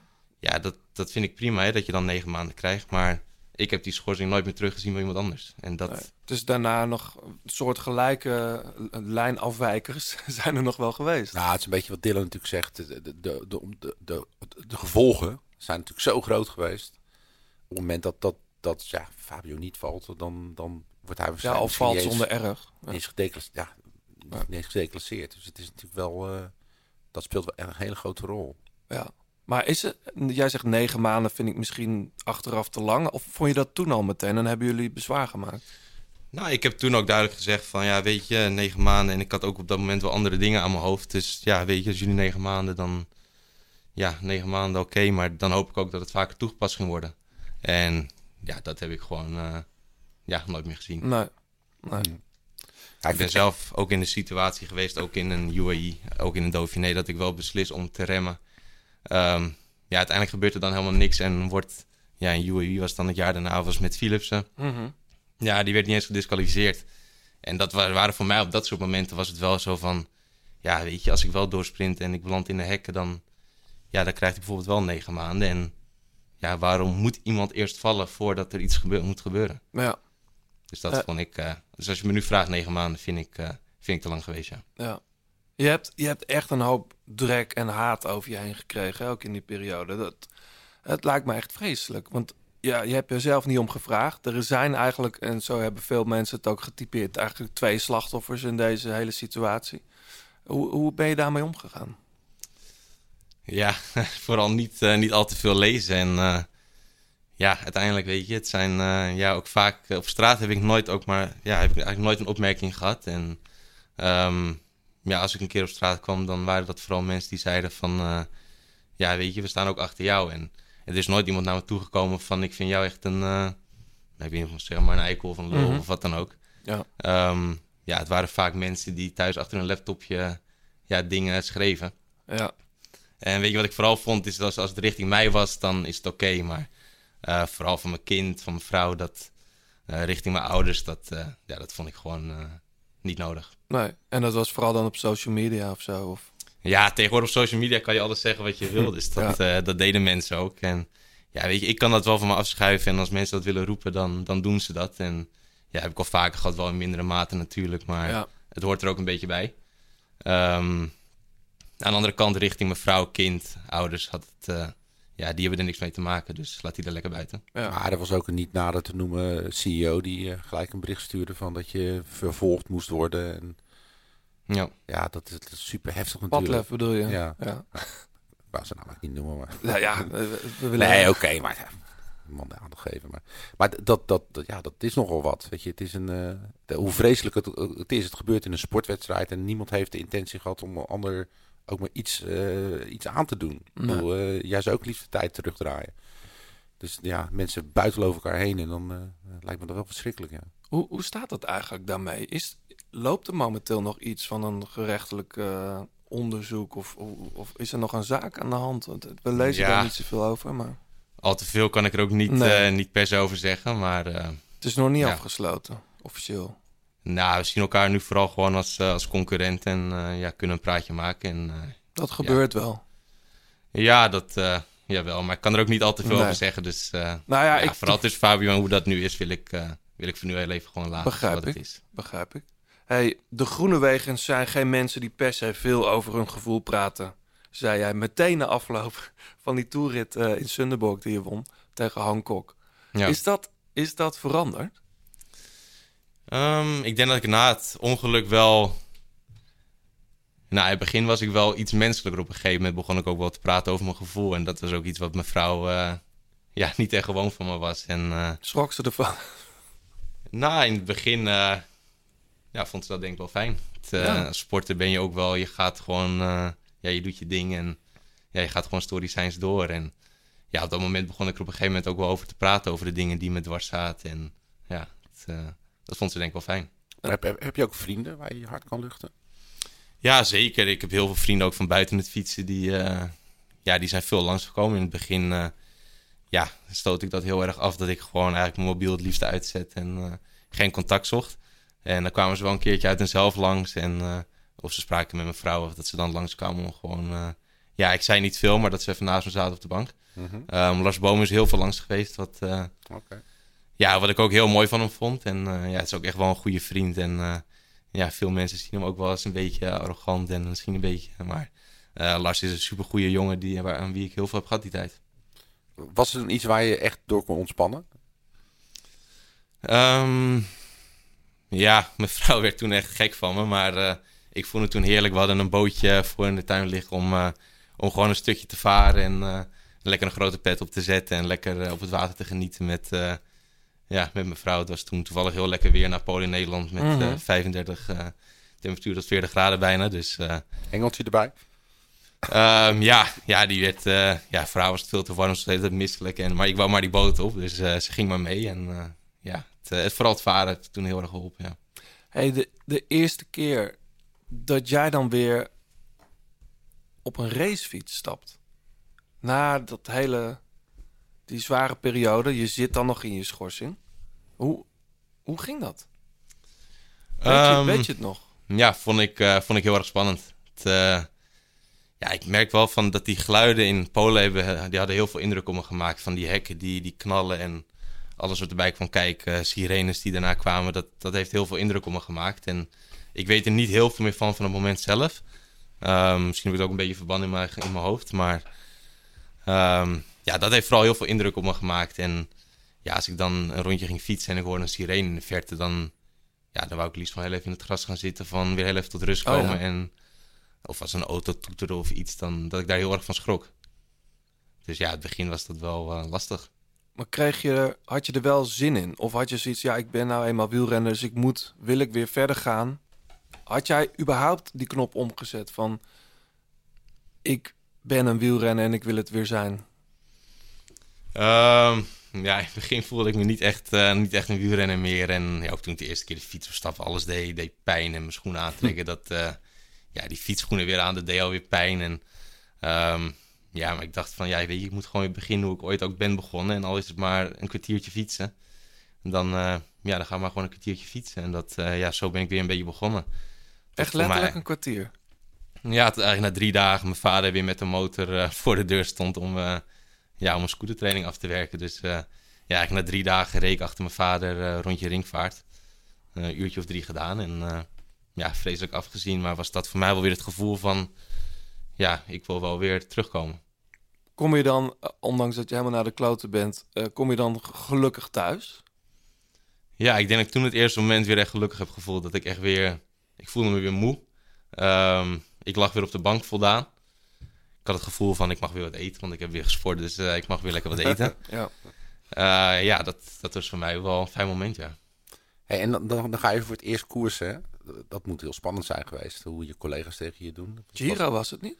Ja, ik vond vooral eerst heel erg fijn dat, dat als ik als achter, mijn, achter de scooter reed, achter mijn vader rondje ringvaart, dat mensen echt eh, ja, toeriepen van eh, Dylan, kom op. En hij stopt bij een stoplicht, dat ze zeiden van, eh, ja weet je, kom, kom alsjeblieft terug. En eh, we vinden het ook erg voor jou en wat er gebeurd is, dat, dat heeft niemand gewild. Ja, dat soort dingen, die mensen, dat heeft me wel echt geholpen om weer eh, ja, een beetje in de flow te komen richting mijn eerste wedstrijd, de Giro inderdaad. Ja. Een klein stapje terug. Heb je, heb je trouwens vanuit het team eh, nog bepaalde support gehad? Is, is er een mental coach geweest? Of heb je, kon je met iemand praten om daar traumaverwerking?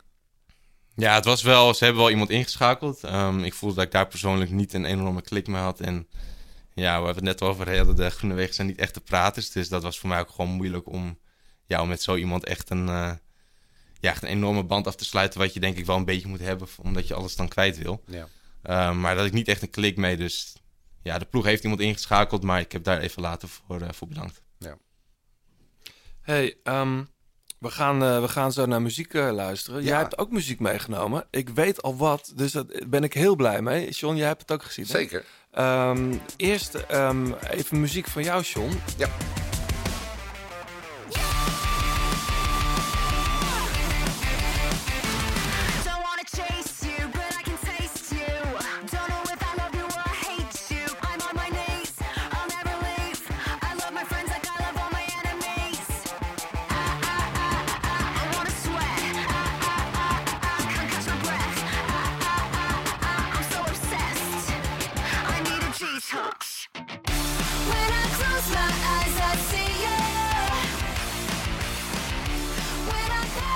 Me nu zeker vertellen dat het uit de 90s is. Nee, nou ja, het zou makkelijk kunnen. Het is eh, lekker oude, een beetje ouderwetse skatepunk eh, Ja. sound. Wie zijn het? Dit zijn de Veronica's. Dat zijn twee zusjes uit eh, Australië, uit Brisbane.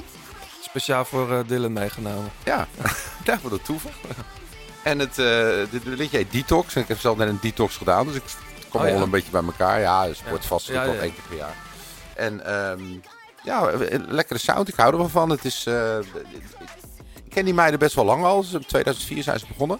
Mhm. En eh, ze hebben een tijdje is wat eh, rustiger geweest eh, rond hun releases. En nu hebben ze weer een nieuwe single. En er komt een, eh, een album in maart. Dat heet Gothic Summer.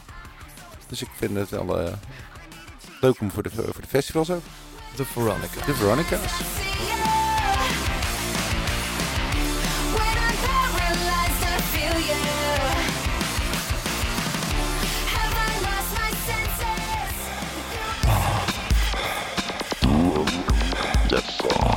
Ja, we gaan zo met je verder, Dylan. Eerst nog eventjes naar onze zeer gewaardeerde sponsor Vredestein. Ik weet niet, doe jij een gravel eigenlijk, Dylan? Of eh, heb jij een gravelfiets?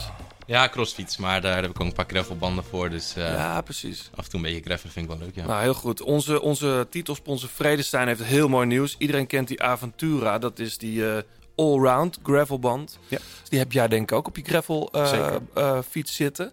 Van Vredestein dus. Ehm, zij komen eh, eind, nee, begin februari. Dus dat is zeer binnenkort. Met twee nieuwe gravelbanden. Zeker. Moet ik even zeggen, die Aventura is eh, ook uitgeroepen tot eh, band van het jaar door Bicycling. Was, Oh. was de beste gravelband. je had twee categorieën, zeg maar de allround band en de wedstrijdband. Maar de allround band was dat de, de winnaar. Ja. Dus dat mag wel even vermeld worden. Heel goed. Ja, er zijn nu twee nieuwe ehm, versies op de markt. Tenminste, Nou, bijna. Bijna, bijna op de bijna markt. op de markt. Ja. Ehm, de ene de, die heet de CETA. Ja. Italiaans voor eh, zijde. Spreek het goed uit? Ja. Ja, ik denk het wel. Zeta, ja. Dat is zeg maar de wedstrijdband. Dus in die categorie gaan ze straks ook meedoen eh, bij, de, bij de test. Met, eh, met minder, veel minder profiel dan, dan, nou niet veel minder, maar significant minder profiel dan de Aventura. Oké, ja. Dus, ook, dus als je niet al te zware omstandigheden hebt en gewoon puur grind of gravel en veel asfalt, dan is het prima om eh, grip te houden in, eh, in snelle bochten. Ja, Aan de andere kant hebben ze nu ook de Grezzo. de Grezzo. Grezzo. Ja. Dat is eh, Italiaans voor rauw slash ruig. Ja. En dat is, die is juist weer veel grover qua profiel, zodat je lekker veel grip hebt. Wat we de afgelopen maanden hadden kunnen gebruiken al. Dat overal bagger ligt. En eh, goh, ik was trouwens, ik was gravel in Hoge Heide met vrienden. Oei, oei, oei. Dat was echt alleen maar, Oh, ja? alleen maar modderpoelen en lopen. En, Daar had je de Grezzo hadden die Grezzo wel kunnen gebruiken, ja. Ja. Maar goed, ze komen er binnenkort aan.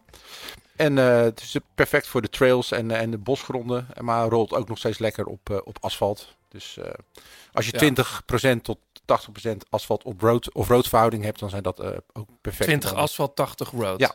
Ja, dan is de Grezzo jouw band. Ja, zeker. En anders is de Zeta, dat is meer 80-20 eigenlijk. ja, zeker. Is jouw band.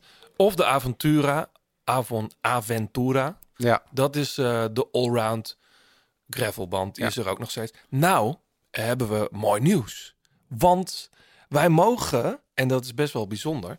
Er komen eh, ook exclusieve limited editions van die Grezzo en die Zeta Ja. eh, beschikbaar. Maar niet voor in de winkel. Maar wel voor onze luisteraars. zo is dat. Eh, dat is de, de Zeta Ristretto. Krijgt er zin in, eh, in koffie van. Ehm, dat, en die, die Ristretto, en dat komt natuurlijk, de, die heeft namelijk een, eh, met skinwalls een donkerbruin loop, nee, een donkerbruin loopvlak heeft hij. Ja. Die kun je hier winnen. Of de Grezzo Stout, en die heeft een lichtbruine wang. Volg je het nog? Ja, ja, ja. Ja, dus die twee, eh, de Zeta en de Grezzo, kun je natuurlijk straks gewoon in de winkel kopen. Maar je kunt hier de limited editions winnen.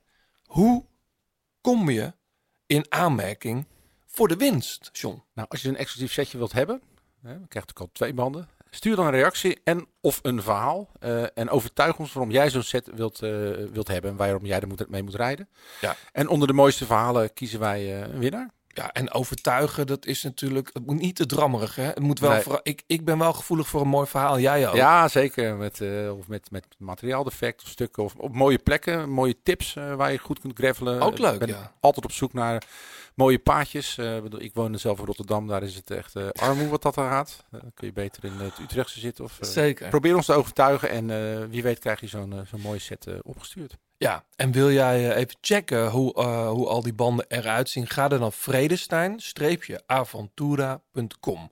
En daar staan ook die Zeta's en die Grezzo's. Ja, en ook in alle maten te verkrijgen. hè. De gravelmaten. En Tubeless Ready? Uiteraard. De grote plaat Dilemma's. Dylan, het is jouw podcastdebuut. Eh we zijn vereerd dat jij ons hebt verkoren tot, eh, hè, tot de podcast waar je dan aanschuift. In de grote plaat, en ik weet niet of je wel eens geluisterd hebt, ehm, doen wij altijd de grote plaat Dilemma's. Dat is ja en nee, in dit geval met Dylan Groenewegen. Ehm, we noemen een aantal stellingen of dilemma's. Je moet reageren met ja of nee, of je kiest één van de antwoorden. En je mag overal op terugkomen. Ben je er klaar voor? Ik ben er helemaal klaar voor. Mario Cipollini of Tom Bonen? Tom Wonen. Jean-Paul van Poppel is de beste Nederlandse sprinter aller tijden. Tot nu toe wel, denk ik. Ja. Het vaderschap heeft mij als mens veranderd. ja. Fabio Jacobs en ik zullen ooit samen een biertje doen. Hebben we al gedaan. Olaf Kooi is het grootste sprinttalent van Nederland. Nee. Cavendish pakt dit jaar het record van Merckx af met 35 toeretappen winst. Nee. Nog vijf toeretappes winnen of één keer wereldkampioen worden. Eén keer wereldkampioen worden. In een sprint à deux klop ik Cavendish 8 van de 10 keer. Ja. In een sprint à deux klopt Haller Lavrijse mij 8 van de 10 keer. Ja. Bioscoop of Netflix? Netflix. Concurrentie binnen één ploeg maakt je een sterkere renner. Ja. Veenendaal-Veenendaal is een onderschatte koers. Ja. Vriendschappen in het peloton bestaan niet. Nee. Ik luister liever naar mijn lichaam dan naar mijn trainer. Ja. Marijn Zeeman is de beste ploegleider die ik ooit had. Nee. De groene trui in de Tour zal nooit een hoofddoel zijn, altijd bijvangst. Klopt. Ja. Wil je nog ergens op terugkomen? Ja.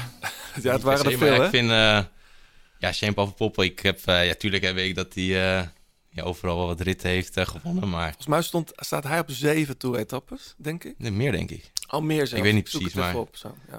Ehm, ja, ik ken zijn tijd niet, niet echt en ik ken zijn palmares ook niet helemaal uit mijn hoofd. En eh, Is ploegleider geweest, hè?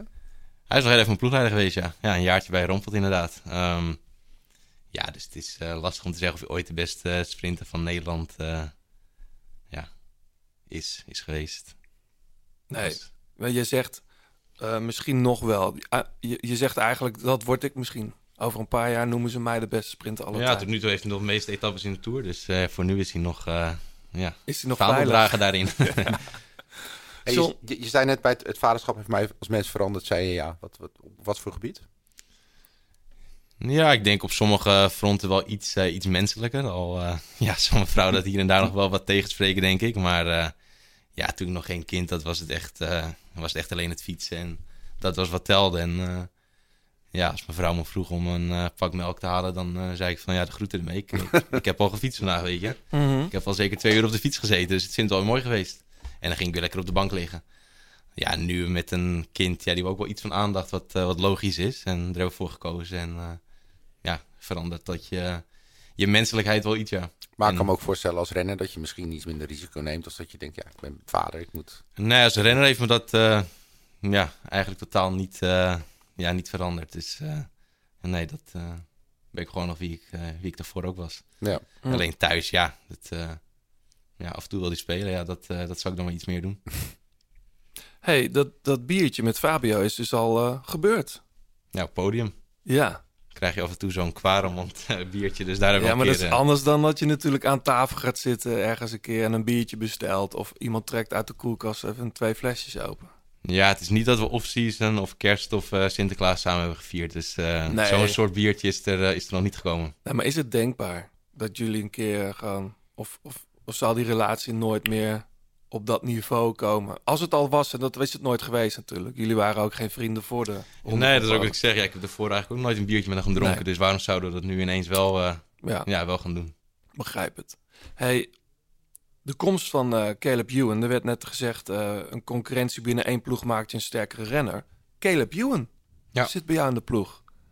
Eh, Rocket Pocket, of hoe noemen ze het? Ja. Rocket. ik, ik vond het nogal verrassend. En ik moest meteen eh, aan jou denken eigenlijk van... eh, wat gebeurt er nu? Nou hebben ze jouw contract ook opengebroken. Er was ook meteen de reactie in de persberichten. Dylan Groenewegen is er ook blij mee. Hoe zit dat? Ben je er blij mee? Ik ben er ook zeker blij mee. Ehm, ja, met het hele nieuwe puntensysteem wat we, wat we hebben in het wielrennen... Ja, is het gewoon ja, voor mij persoonlijk ook belangrijker dat we, dat we iets meer sprinters hebben. En ja, wat we nu zagen was dat het na de Tour... eh, ging ik echt van, van koers naar koers. En ja, werd je elke keer derde, eh, tweede, vierde. Eh, maar ik was eigenlijk nooit meer fris. En ja, met de komst van Caleb kunnen we dat iets meer spreiden... wat eigenlijk elke andere ploeg ook zou doen. Ja, Dus Jullie gaan dan, begreep ik, een, een, een apart programma van elkaar rijden. Dus je zult nooit in, in dezelfde wedstrijden starten. We zullen geen lead-out spelen voor elkaar, nee. nee. Nee, nee. ehm, maar de, voor jou telt vaak maar één ding en dat is de Tour de France. Nog wel. Heb jij, daar een, heb jij daar al een groen licht voor gekregen? Van jij gaat naar de Tour en Caleb gaat, weet ik veel, naar de Giro of... Ja, aankomend jaar ik moet natuurlijk wel in vorm zijn, maar de Tour dat, eh, dat staat gewoon bovenaan en daar, eh, daar ligt mijn hoofddoel. Ja, Eh, dus daar zou ik ook naartoe gaan en Caleb zal naar de Giro gaan. ja precies. Ik vraag me sowieso af of, of, of Caleb überhaupt nog zin heeft in zo'n tour. Want die laatste tour was natuurlijk niet echt eh, heel prettig voor hem. Nou ja, goed, met een beetje mazzel. Ja, Ja. Kan, je daar nog, kan hij daar nog een rit pakken? Nee, ja, is er afgelopen jaar is hij er ook wel een paar keer natuurlijk wel weer dichtbij geweest. En ehm, ja, daarna wat ik al eerder zei, van je kan beter twee keer winnen in de eerste week en daarna naar huis gaan dan, eh, Mhm. ja, dan de hele Tour uitrijden en uiteindelijk niks hebben. Dus eh, hij is er ook een paar keer dichtbij geweest en ik denk dat hij eh, ja, nog steeds tot de topsprinters behoort. Ehm, al heeft hij de laatste twee jaar niet meer zijn topniveau gehaald, maar ik denk dat het bij deze ploeg misschien weer, dat hij zich weer thuis voelt en ja, de motivatie wel weer heeft. Is het zo, want Max Walschaert heeft ook getekend bij jullie. Die wordt waarschijnlijk onderdeel van de sprinttrein. Van welke sprinttrein? Want waarschijnlijk worden er dan nu twee treintjes geconstrueerd, of niet? Ja, ik denk echt dat ja, de, de sprinttrein dat het wel een beetje, weet je, je hoeft geen acht man voor je meer te hebben. En dat gaat ook niet meer, want eh, het is tegenwoordig acht man. Maar Mhm. ehm, ja, ik denk als je drie man voor je hebt, dat het meer dan genoeg is. En ja, als je die goed op elkaar ingespeeld krijgt, dat je, dat je een heel eind komt. En ja, dan zou ik altijd Luca Meskets bij me hebben en Elmar Reiners. En dat nog aanvullen met bijvoorbeeld een Luc Durbridge. Oké, dus dat wordt Of een. Amond als hij hopelijk weer op topniveau Ja. terugkomt. Ja. Ik, ik, in het begin van, van, van afgelopen jaar...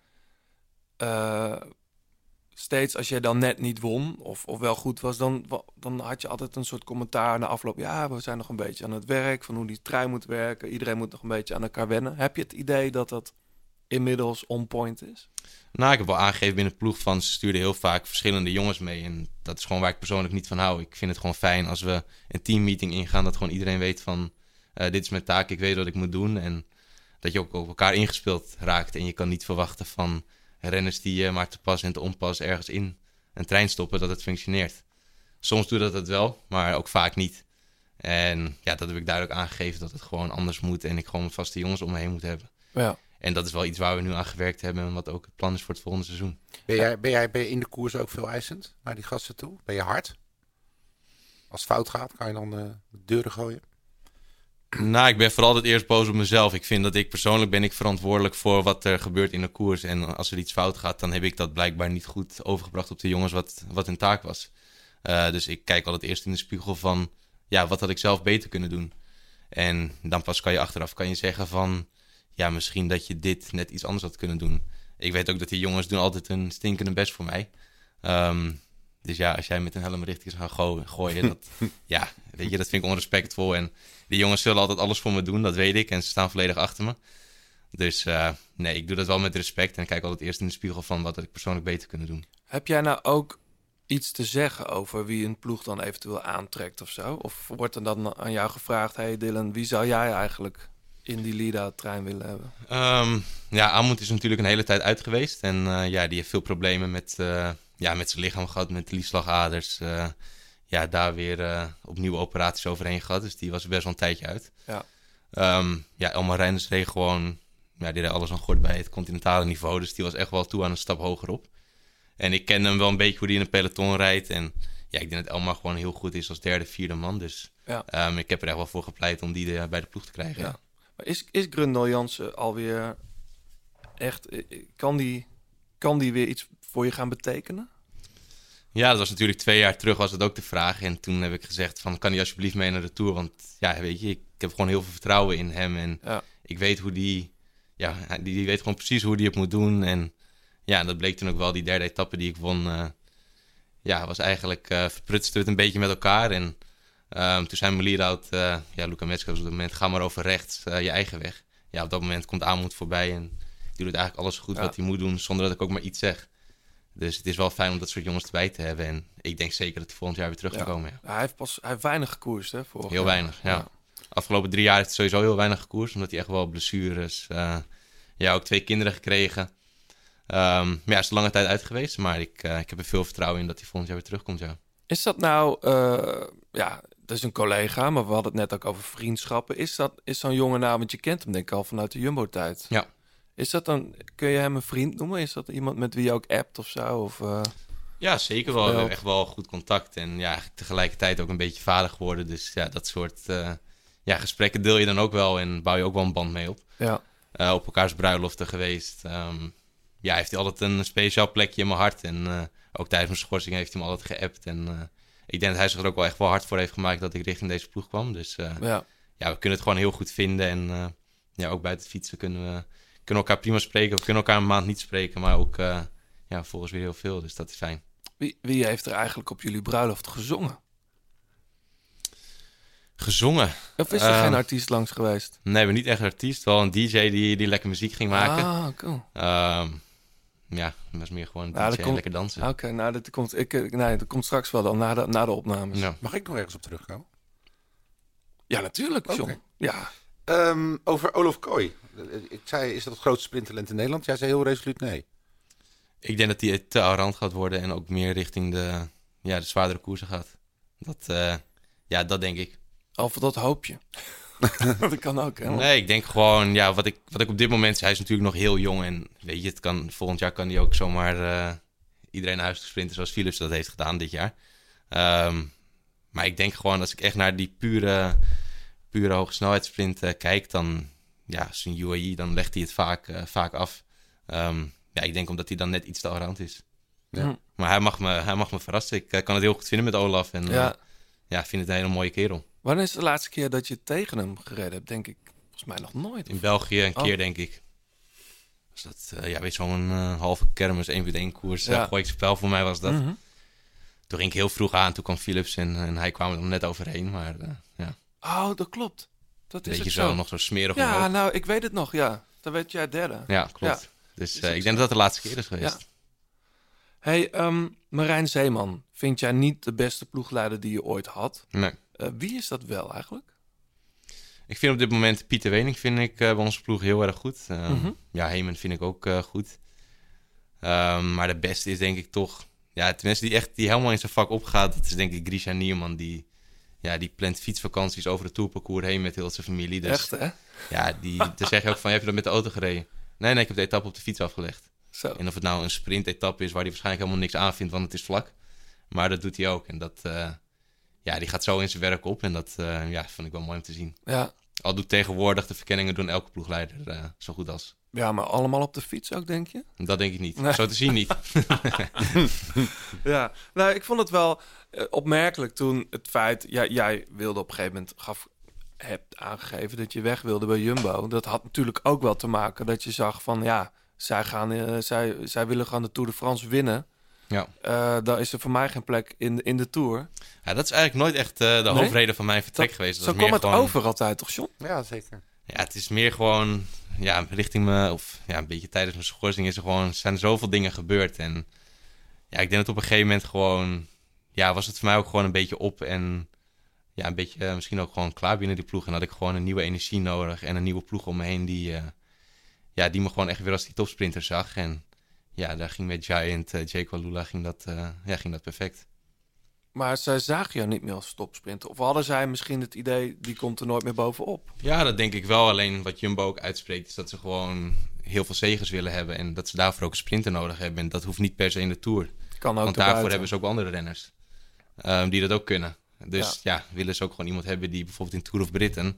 ehm, ja, lekker drie, vier etappes bij elkaar fietsen, zoals Olaf dit, Ja. dit jaar deed. Ja. Dat is voor hen ook gewoon heel veel waard. Dat ze aan het einde van het jaar kunnen zeggen... we hebben 50 koersen gewonnen. Ja.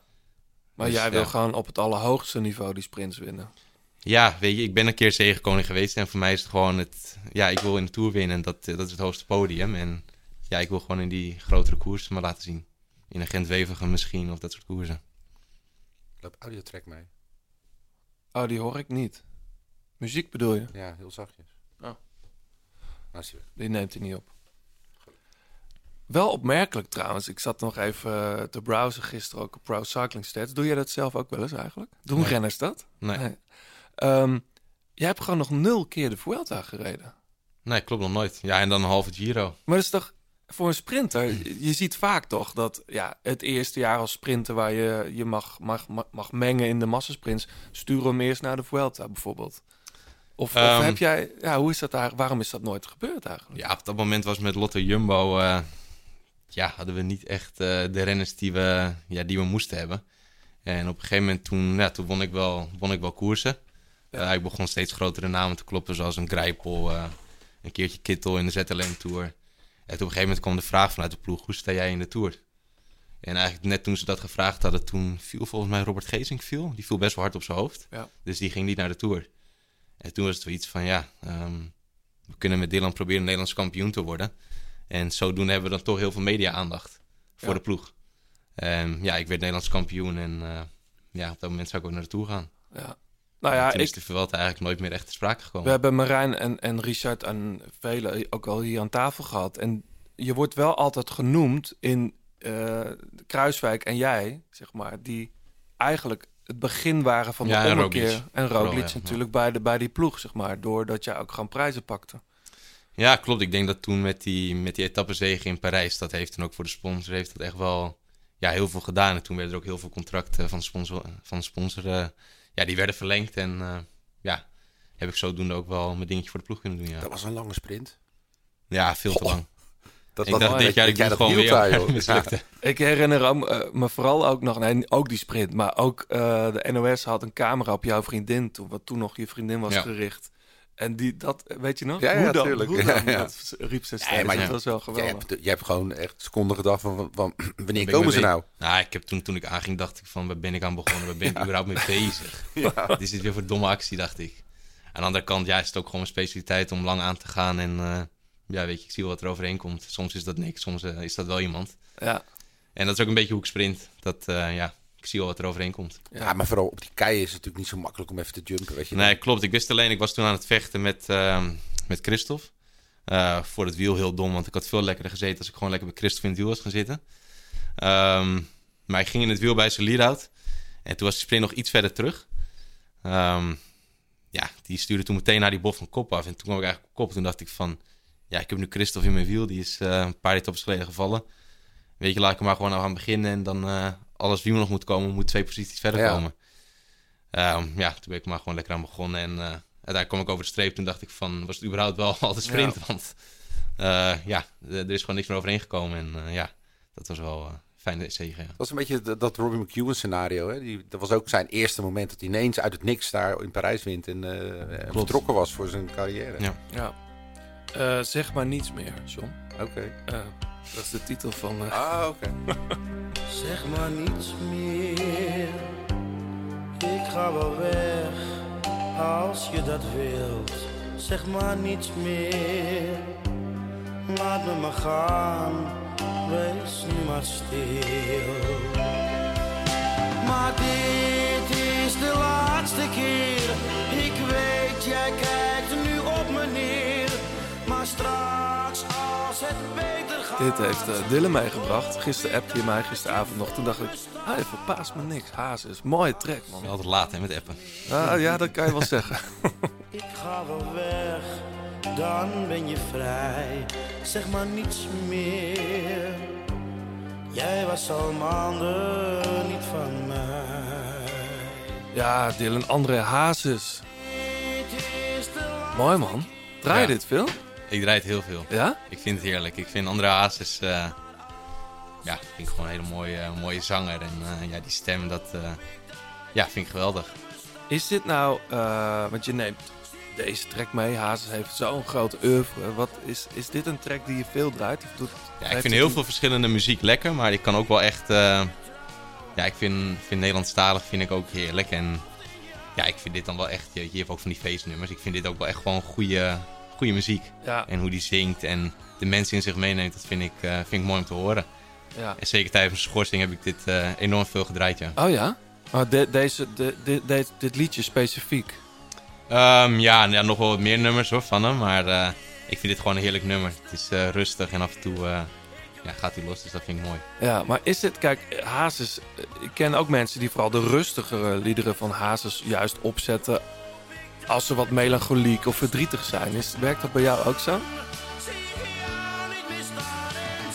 Nou, die periode ben ik wel vaak eh, down en eh, verdrietig geweest. Maar eh, ja, het is ook een nummer wat ik vaak met mijn opa heb gedraaid. En Oh ja. toen, toen ik gisteravond de nummers stuurde, heb ik heel vaak, of ja, heel vaak heb ik best wel getwijfeld van wat ga ik sturen. Want ik vind Frank Sinatra vind ik ook prachtig muziek. ja. En ja, mijn, vader, of mijn opa was toen best wel dement aan het worden en die kon niet veel meer. Maar als ik af en toe dit nummer opzette en eh, we over het fietsen hadden, dan was hij in één keer weer bij de les. Dus Oh, Ja, dus het het is, doet je eh, ook aan die goede tijd nog met je ja, waren de ik. laatste goede momenten. En hij kon eigenlijk nergens meer over praten. En ja, heel veel in het verleden praten omdat hij dement werd. Maar het fietsen, dat, dat bleef hem echt wel bij. Dus Ja. daar wist hij precies van, het eerste wat hij vroeg was, heb je getraind vandaag? Oh ja? Ja. Dus dat, ja, dat vond ik mooi. Hey, en, en dit draaide dat dan thuis? Of ook als je, als je lekker een rondje in je Ferrari maakt? Ja, of de sportschool. Ehm, oh. Ja, maar dit werkt toch niet echt lekker in de sportschool? Of wel?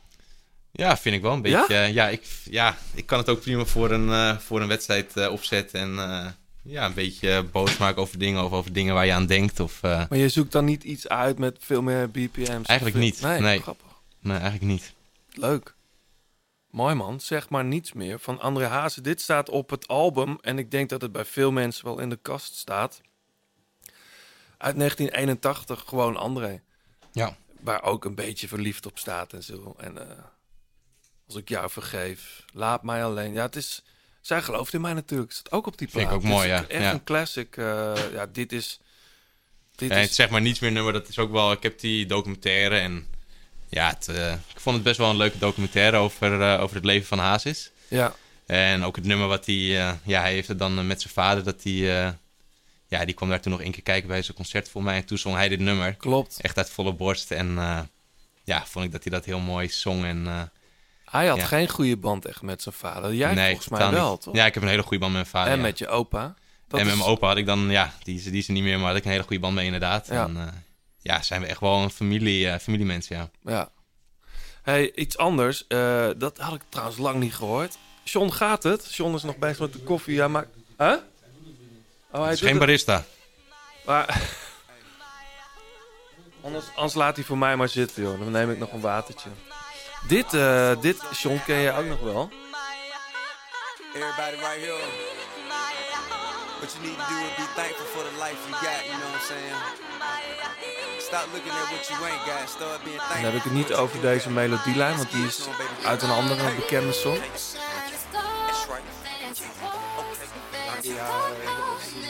Ja, maar dat is niet de track. Dit is iets anders.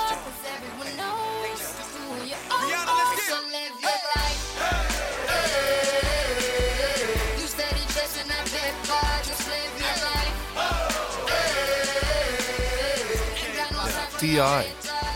Samen met Rihanna. Ja. T.I. is ja, in Nederland niet super groot. Terwijl in Amerika is hij een van de... Ja, ik bedoel, hij komt uit Atlanta.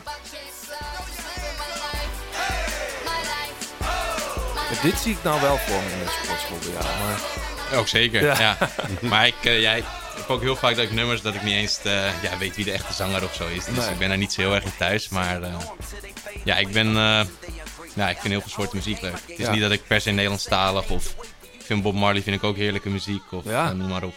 Maar zet jij, heb jij een Spotify playlistje dan of zo? Of, of, of Ja, ik Ja, heb een hele- Spotify eh, Ja. account. Daar heb ik dan gewoon al die nummers op staan. En ja, speel ik dat af en toe even lekker af, ja. Ja, en er is, niet, er is dan ook een speciale workout playlist? Niet per se, dan scroll ik gewoon een beetje terug en dan denk ik van... Oh ja, dit, eh, hier is een rijtje met muziek die ik wel leuk vond. Dus Ja. die, eh, die zet ik dan nu maar heel even op. Ja. En voor, voor een proloog of zo waarvan je denkt... Nou, met een, met een beetje goede benen rij ik hier eh, top 3. Wat gaat er dan met, met inrijden in? Ja, met een proloog heb ik niet vaak de gedachte van... Ik ga hier echt voor een top 3. Dus dan kan ik ook rustig Bob Marley heerlijk ontspannen. En dan op een gegeven moment denken van... eh, ik ga maar eens richting de start. Met Bob eh, Marley? Nou, lijkt het start. tijdritje maar. Klinkt, wel, klinkt heel Ja. relaxed. ja, ik ben ook best wel relaxed met tijdritten. Dus Ja. ja, ja het, eh, moet er dan op tijd binnenkomen. Dat is het eigenlijk. Ja, maar het is... En dat is tegenwoordig nog best een uitdaging, moet ik zeggen. Wanneer is het eigenlijk voor het laatst dat jij überhaupt eh, een, een tijdrit volle bak bent, ge- bent ge- van start bent gegaan? Ja, dat moet dan een iets kleiner rondje geweest zijn dat ik dacht van... eh nou, trouwens niet, dat is Denemarken denk ik geweest. Een jaar of twee, drie terug. Het was op de laatste dag en ik dacht van, weet je wat, ik ga gewoon lekker... eh goede training, nog, ik ga gewoon lekker volle bak eh gassen. Ja, Ronde van Denemarken. Ja, Ja. alsnog laatste denk ik, maar ik heb mijn best gedaan. Hey, ehm, wat, wij, wat we doen in de, in de winter, als we eh, ja, nog een beetje off-season zitten, of we zijn half aan het, begin, aan het beginnen met het seizoen, dan vinden we het altijd leuk om even aan renners te vragen hoe hun dagelijkse leven, hun beslommeringen in elkaar steken. Nou ben je natuurlijk nu al eh, volop in training. Ehm, het zou mij niet verbazen, maar eh, je mag me verrassen. Wat ontbijt jij? Het ligt aan de dag die ik ga doen. Oh, Maar ehm, ja, bijvoorbeeld zo'n dag als vandaag kan ik een eh, omeletje maken en dat op brood doen. ja. Of ik neem wat Kellogg's. Maar je hebt nog een training staan vandaag? Nee, ik heb vandaag een rustdag. Oh ja. Dus, nee, als ik echt een trainingsdag heb, dan, dan plan ik eigenlijk ook niks eromheen. Dan ga ik gewoon in de middag heel even naar bed en ja, even rusten. Ja, maar dan is het Kellogg's of eh? Ja, dan op een rustdag is het eigenlijk eh, niet al te veel en eh, ja, gewoon een, een licht ontbijtje. Ja. En als ik echt een zware training ga doen, dan, ja, dan doe je denk ik op de havermout. Dus Ja. dan eet ik inderdaad de havermout, eh rozijnen erin. Ja, eigenlijk een banaantje en wat melk, een beetje proteïne. Dat is eigenlijk ja, dan een beetje mijn ochtendontbijtje. ontbijtje. Ja, koffietje erbij? Zeker twee koffietjes. Van jullie eigen koffiewagentje? Of, eh, want die, Nee, nee. bestaat die niet meer? De, Jawel, de maar het is gewoon- koffie, eh, wat, hoe heet het ook weer? Ja, Groenewegen Koffiestop. Ja, en het was best wel leuk en veel mensen vonden het ook echt super leuk. Maar het is gewoon, ja, we hebben ook een, eh, een zoontje. Ja. En ja, ik ben nogal redelijk eh, vaak weg. Het was zo'n rood Piaggio. Ik weet niet of je hem wel eens gezien Nee. hebt. Eh, ja, het is heel, heel tof. Dus ja, we hebben hem nog steeds. En op een gegeven moment waren er ook echt veel boekingen van bruiloft en zo. Maar ja, met, eh, voor mijn vrouw is er gewoon de tijd niet. Ja, uit je vrouw runde dat eigenlijk. Klopt, ja, Ja. ja. Ik had er niet heel veel mee, eh, mee te doen. Maar eh, ja, was het gewoon lastig om dat te combineren met de kind. Ja, dus die staat nu erg werkloos. eh, tenminste, je vrouw niet, maar dat, dat, dat karretje staat nu ergens stil. Klopt, ja, ik wou hem eigenlijk al een beetje gaan verkopen. Maar dat wil ze nog niet, omdat ze volgend jaar nog een bruiloft ermee heeft. Maar Ja, ja, verder staat hij nu vooral in de garage. ja. Hey, ehm, dan heb je je koffietje op, dan ga je trainen. Is de trainer... Wie is jouw trainer eigenlijk nu? Eh, Alex, een Engelsman, die, eh, ja, die doet mijn training nu, die is van de ploeg. En dan krijg jij, heb jij gewoon een programma. Zoals, ja, vandaag doen we dit, vanda- morgen Ja. doen we dat, ja. Ja, op Training Peaks eh, vult hij alles in en dan eh ja, mij de taak om het uit te voeren. Je zei net, ik luister liever naar mijn lichaam dan naar mijn trainer. Ja. Wanneer is, da is daar wel eens een conflict in? Dat je trainer zegt, ja, ik zou vandaag toch liever zien dat je dit doet. En je lichaam zegt nee.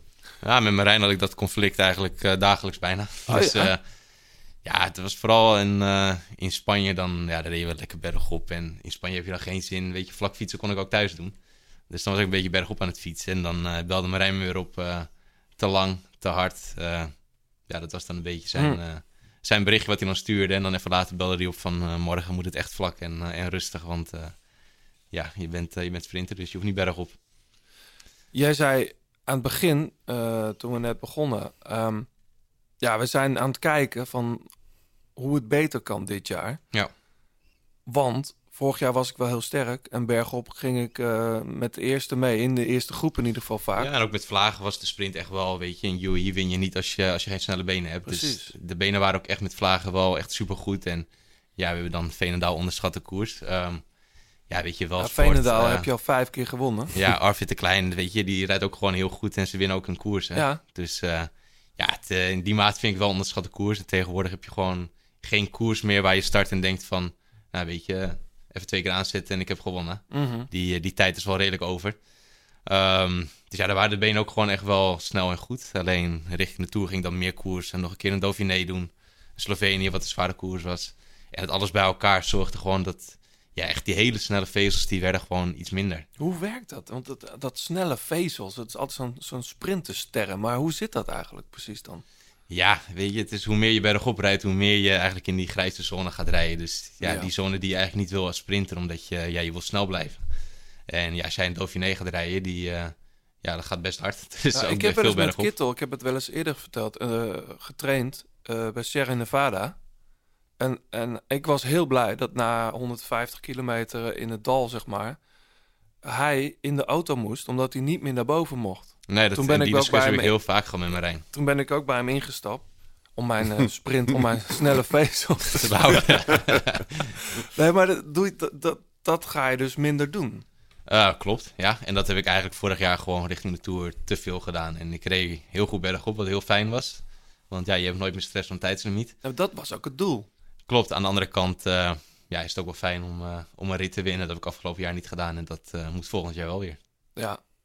Ehm, merk je dan ook nu, als je de wattages terugziet van die finales... of van die laatste 100 meter bijvoorbeeld... Kun je dat, die kun je toch in detail terugzien? Klopt, en dat was gewoon niet het niveau wat ik, wat ik normaal in een sprint haal. Dus dat, eh, ja, dat zorgde wel voor dat we heel even goed moesten bekijken van of we de voorbereiding anders konden doen. En wat ik het jaar daarvoor had ik gewoon had ik heel weinig gekoerst in de Jumbo-tijd. Sowieso bij Jumbo koers je minder. Ehm, was het meer trainen en dan een keer koersen. Ja. En dat het eerste jaar was het gewoon goed dat ik bij Jaco Lula gewoon meer koerste om weer die hardheid op te doen. En dat had ik ook echt weer nodig. Dat afzien, eh, dat triggeren. Maar ook omdat je er zo lang uit lag qua schorsing, bedoel je? Of niet? Ja, klopt. En ik had zoveel maanden getraind. Heel die coronatijd heb ik getraind. Op een gegeven moment in de, tijdens de schorsing heb ik moeten trainen. Weet je, op een gegeven moment heb je trainen wel gezien en wil je gewoon veel koersen. Ja. En bij Jumbo kreeg ik die koersen niet. Omdat het vooral, ja, weet je, dan was het weer een keer een koers in België rijden. En dan was het weer twee weken trainen. En daar was ik gewoon, ja, wel klaar mee. Ik wou gewoon koersen. En het eerste jaar pakte dat bij J. Lula heel goed uit. Door ook Dauphiné te doen. Mhm. En vorig jaar heb ik dat gewoon, is dat een beetje ten koste van de sprint gegaan. Ja. Maar het, klinkt ook als een stukje vermoeidheid dan misschien wel die je meeneemt. Ja, ik was gewoon minder, eh, minder scherp en ja, de spieren waren gewoon iets vermoeider richting de Tour. En ja, die explosiviteit is waar het om draait bij een sprint. En als die net een tikkeltje minder is, dan, eh, ja, dan word je gewoon afgestraft. Ja. En dat hebben we vorig jaar gezien. Of even dit jaar. Dit jaar, ja. Ja. Eh, 2023, ja. Ehm, wat ik me nog afvroeg, en ik, ik heb het Fabio, we hebben het Fabio toen ook gevraagd. Er was op een gegeven moment een wedstrijd, ik denk Wallonië, Mhm. dat jullie voor het eerst weer samen in een wedstrijd stonden. Ja. Eh, jullie wonnen er allebei twee rit, maar in al die vier sprints sprinten jullie nooit tegen elkaar. Nee. Toen dacht ik, dat hebben ze waarschijnlijk afgesproken. Fabio Ehm, begon een beetje te lachen zoals jij nu. maar ik dacht, dat is toch wel heel toevallig. Dat de ene het laat lopen en dat de andere... eh, Hoe, dat Nee, ja, ik heb er heel veel dingen ook wel over gehoord. En veel mensen dachten dat we op een gegeven moment een deal hadden. Dat als de ene dan van tevoren zei van ik ga sprinten, dat de ander dan zei van ja, weet je, dan laat ik vandaag wel even zitten. ja, dat was natuurlijk totaal niet het geval. Nee. Het is gewoon, ja, weet je, als Fabio of ik de ruimte hebben. En dat heb je ook met de Philips en Melier, eh, met Olaf, als die de ruimte hebben, dan, ja, dan zijn dat gewoon een van de snelste gasten. Ja. Ehm, ja, het gebeurt ook wel eens een keer dat je ingesloten bent. En toevallig in Wallonie gebeurde dat elke keer. eh, ja, sprintte de ene en was de andere ingesloten. En Ja. ja, ja was het klaar. Hey, we gaan straks naar de laatste kilometer. Ik heb ook nog een muziekje meegenomen. Toch even benieuwd. Van al die sprinters. Ik had het er met John hebben we het wel vaker over. Die echte pure sprinters lijken soms een beetje te verdwijnen, John. Ja. Eh, Jasper Philipsen is een hele goede, snelle man. Maar rijdt ook in Roubaix gewoon het podium. Ja. Arnaud de Lee is een opkoming gast. Die natuurlijk nog niet, geen massasprints in de Tour heeft gereden. Maar van je ook denken, is het nou een sprinter of is het nou... Nou ja, verdwijnt, verd- verdwijnt jouw type renner, eh, Dylan? Ehm, ja, verdwijnt het. Ik denk dat het Als type, wielrennen- hè, bedoel ik, ja. Ja, ik denk dat de sprinters ook weer harder berg oprijden dan dat, eh, dat er vroeger gedaan werd. Dus ja, in dat geheel gaat gewoon, het gehele niveau gaat gewoon omhoog. En ja, je hebt dan een paar uitzonderingen die, ja, weet je, wat die ook trainen, hoe hard die ook trainen, die, die blijven gewoon hard sprinten. En ja, Philips is denk ik zo'n uitzondering, die kan je heel veel berg op laten fietsen, maar die blijft snel. Ja. Terwijl als je mij elke dag heel veel berg op laat fietsen, dan ja, op een gegeven moment is een sprint gewoon een beetje afgebot. Ja. En dat is bij die gasten gewoon minder. En dat, ja, dat is hun talent. Nou, misschien moet je de vraag anders stellen. Wordt er meer van een hedendaagse sprinter gevraagd? Ik denk het wel. Ehm, ik denk ook, ja, het afgelopen tour was het dan, had je echt wel nog wel die echte sprintetappes. Uh, maar het jaar daarvoor was het ook heel veel dat er nog wel weer een, een heuveltje in lag. En ja, dan kan je zeggen, ja, het is maar 4% aan uh, 4 kilometer. Maar ja, Ja, als we daar met, uh, met 500 watt omhoog knallen, ja, dan is het gewoon, is het gewoon pittig. Ja. Ehm, ja, dat zag je in vorig jaar tour, zag je dat heel erg. Dus ja, af en toe, het ligt ook aan het parcours natuurlijk. Maar op zich ligt dat jou toch niet zo slecht. Ik bedoel, jij, jij kunt echt vanuit een hele uh, zware inspanning nog die, die, die, die extra jump maken, toch? Klopt, het is vaak eigenlijk dat ik nog, dat zien we ook wel in training, dat ik eigenlijk na een hele zware training of na een echt een zware koers, dat mijn sprint, ja, echt mijn hoge wattages, die zijn eigenlijk nog hoger na een zware wedstrijd dan na een hele makkelijke wedstrijd. Ja.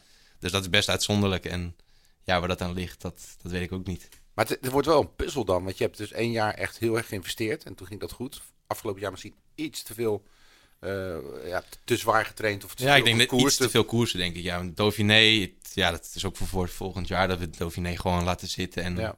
gaan kijken of we misschien alleen in Slovenië doen. Of, ja. Dan zou je nu de balans, dan zou je het nu perfect moeten kunnen, kunnen inschatten. Klopt, dus ja, vandaar ook de reden dat we Dauphiné, Dauphiné echt skippen en dan misschien wel het, het Nederlandse kampioenschap kunnen doen. Uh, maar dat je dan echt nog gewoon een mooi blok van twee weken thuis hebt en ja, nog heel even thuis kan fietsen. En uh, ja, gewoon over de vlakke wegen je specifieke trainingen. Want dat ja, ga je in de koers niet kunnen doen. Nee. Dus... Is het nou zo, want ik hoor dat, ja, je hoort dat niet zo heel veel. Sprinters gaan niet echt lang op hoogte, hè? Nee, en ik heb dat bij Jumbo wel echt geprobeerd. Ja.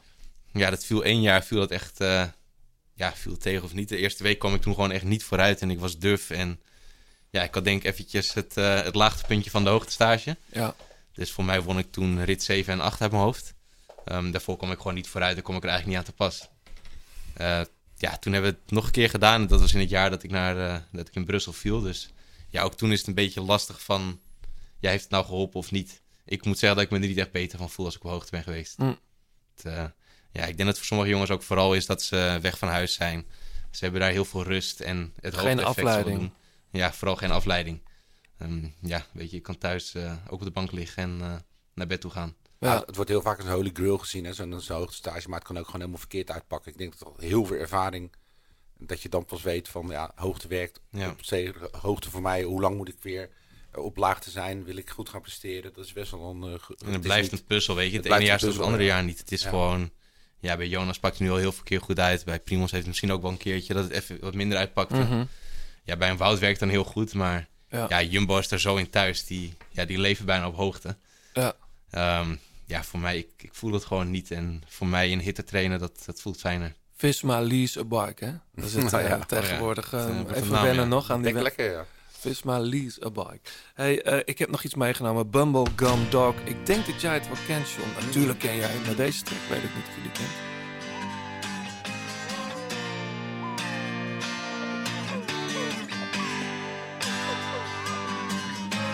Bubblegum dog, tell me what the truth is. Isn't this better love? Doesn't that confuse things? Shouldn't run? Isn't that the white man? None of this seems like fun, but maybe that's the point, man. For years I've strung you along, afraid of the bubblegum dog that's finally catching up with me. Ja, John. Wat vind je ervan? Het is een atypisch MGMT-nummer. eh Ja, ergens wel, maar het is ook begint nu wel, te komen. het is ook wel meteen weer dat. Ja. Ken jij het eh, MGMT? Is dit wat voor jou? Dit, dit soort Ik vind het best lekker, Ja. ja. Dit is eh, MGMT dus van Loss of Life. Komt eh, binnenkort uit. Ehm, 23 februari. Eh, ze hebben al een aantal tracks eh, zijn eruit. Of is eruit, moet ik zeggen. Ehm, dit is Bubblegum Dog. Ja, die band... eh, ze- dit is volgens mij al bijna zes jaar geleden dat er een album verscheen. Ja. Ehm, zeker die plaat, eh, de Oracular Spectacular uit 2007 is gewoon een, een indie pop classic. Ook een wereldwijde hit geweest. En daarna is het qua hits iets minder geweest, maar de platen werden wel interessanter, vond ik. Nog interessanter. Little Dark Age uit 2018 is ook heel mooi. Voor de mensen die het niet kennen, MGMT, MGMT. En dit is Bubblegum Dog. Ik hoop dat ze weer op tour gaan, dat zou wel vet zijn. Live zijn ze er toch van. Ja, hè? So I'll pray it won't be long. I wake up and it's all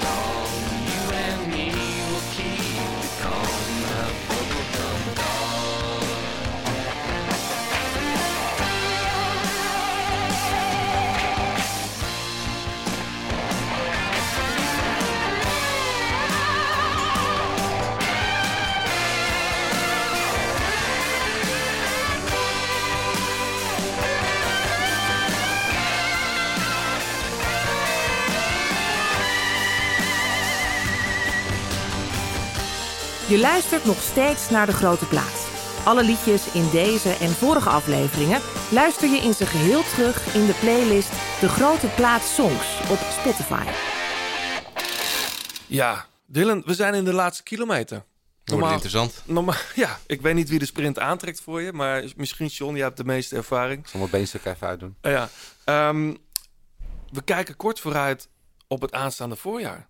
Wat ga je precies doen? Hoe ziet jouw voorjaar eruit? Geen Tour Down Under dus. Nee, nee Saudi-Arabië. Ja, Ehm, daarvoor hebben we nog één koers voor mij in Spanje, 20 januari of zo. Nog even kijken of ik die, eh, die ga rijden. ja.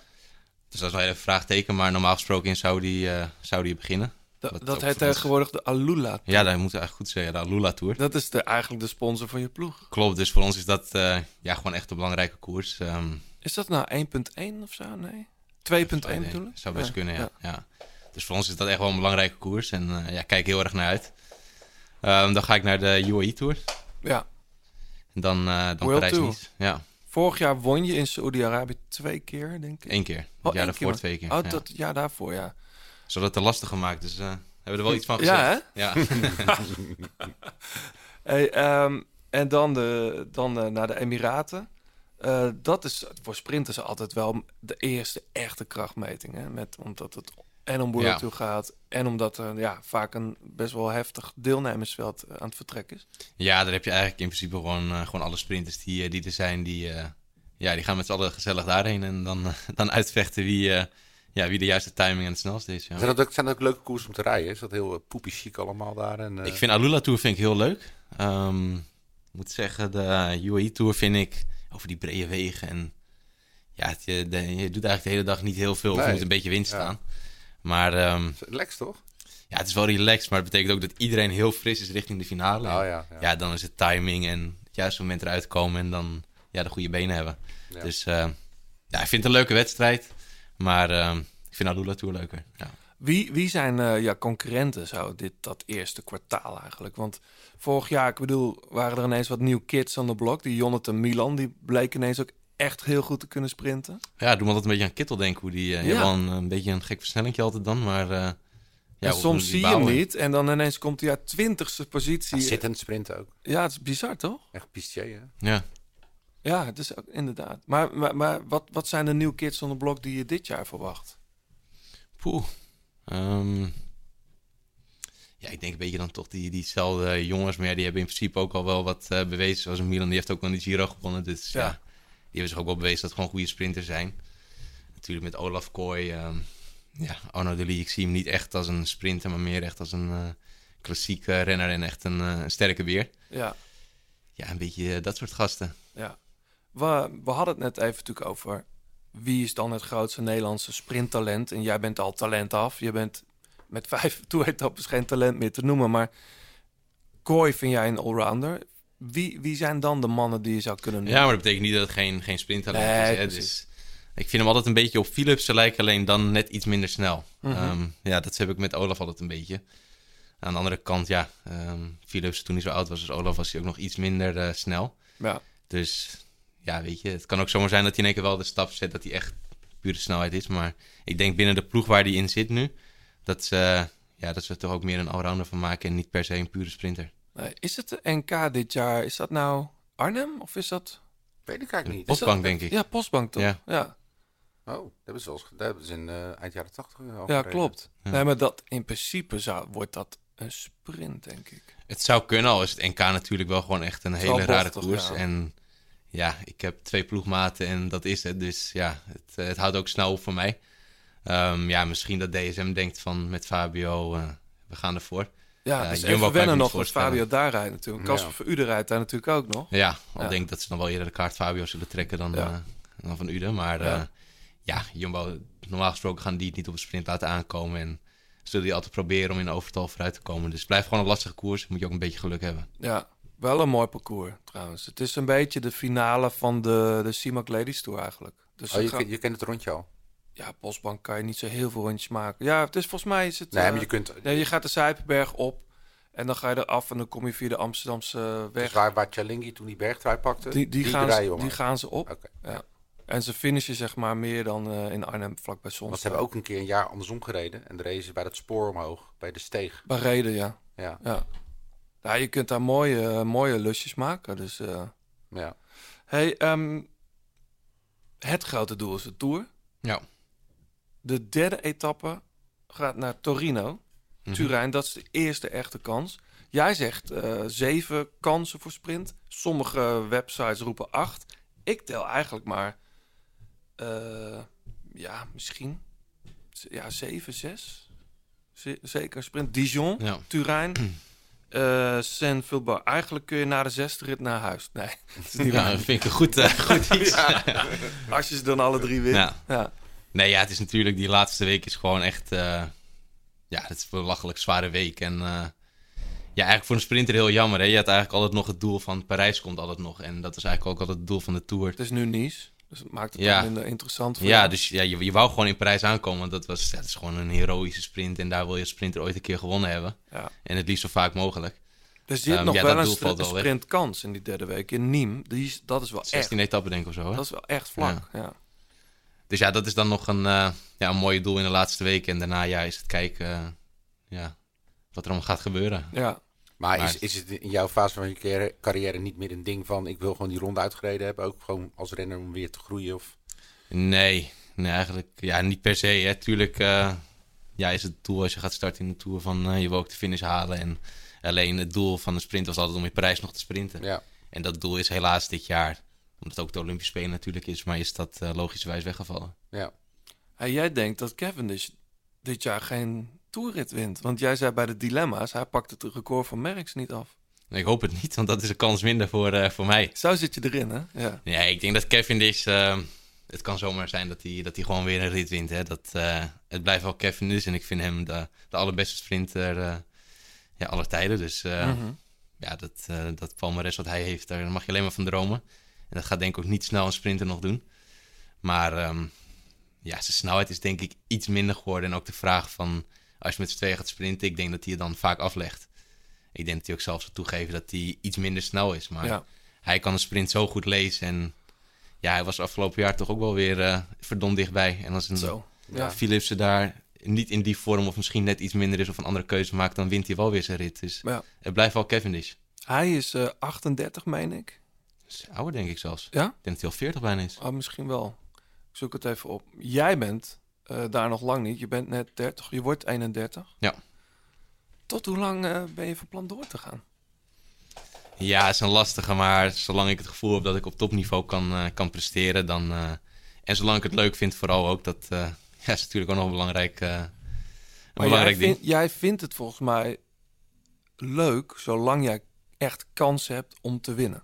Als ik het gevoel heb dat ik niet meer kan winnen, dan, dan houdt het voor mij eh, op, ja. Ja, het is niet zo dat wat je sommige renners ook ziet doen van oké, ik win dan wel niet meer, maar ik kan me misschien nog nuttig maken voor de ploeg. Ik vind fietsen te leuk op hoog niveau. Daar, daar pas jij denk ik voor. Nee, ik maak me liever nuttig op de manier om dan te winnen. En ik denk gewoon, ja, als echt pure sprinten, ja, ik zou niet zo goed weten wat ik dan zou moeten doen. Ik zie je ook niet als een lead-out. eh, als ik hier... Nee, dus dan houdt het ook snel op. En ja, bij alles wat ik doe wil ik altijd heel graag winnen. Ehm, ja, al is het een wedstrijdje naar de voordeur, dan, dan wil ik er eigenlijk als eerste zijn.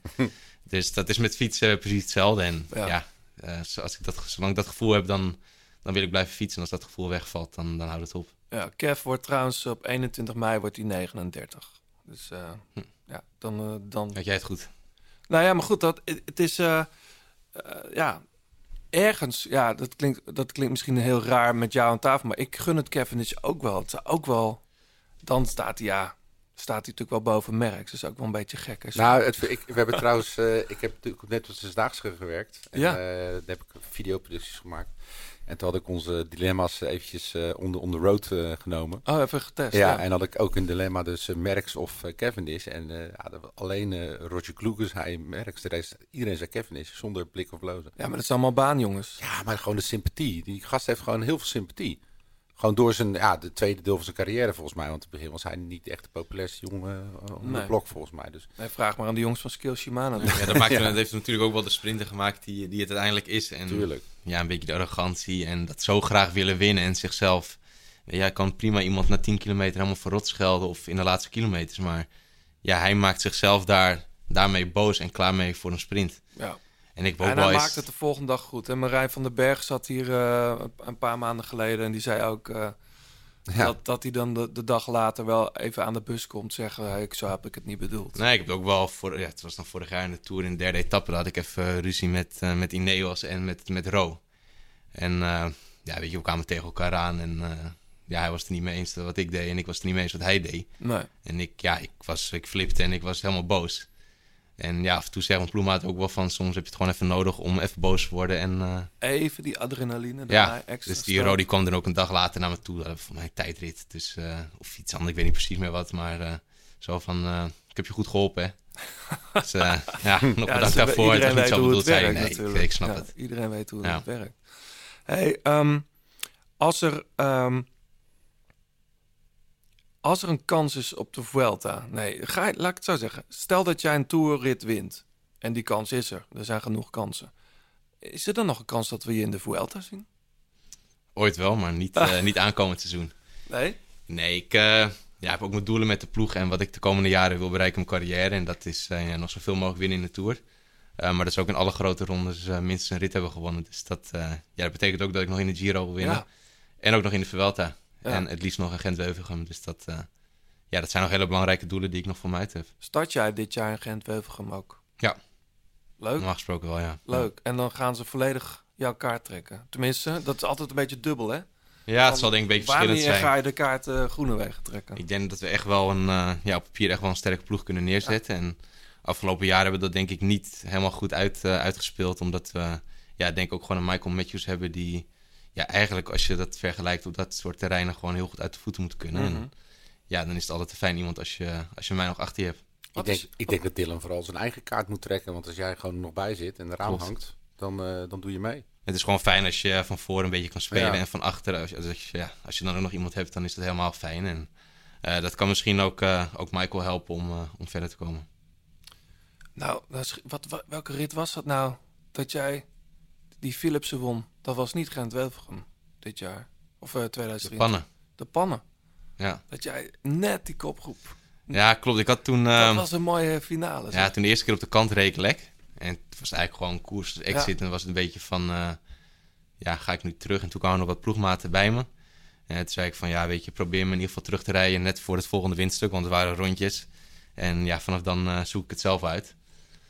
Ehm, dus ja, die hebben we nog één keer teruggereden in de stromende regen. En toen was hun taak was klaar. En ja, ik ben toen eigenlijk op de kant naar de eerste groep toegereden. Het was wel mooi om jou in zo'n rol te zien of zo. Klopt, alleen ja, ik heb veel te weinig gegeten, veel te vroeg mijn kleding uitgetrokken. Ik denk, we gaan beginnen en ja, gewoon ijskoud en honger. En ik was toen gewoon zo leeg dat ik eigenlijk kon gewoon niet eens meer het wiel voor me houden. En Nee.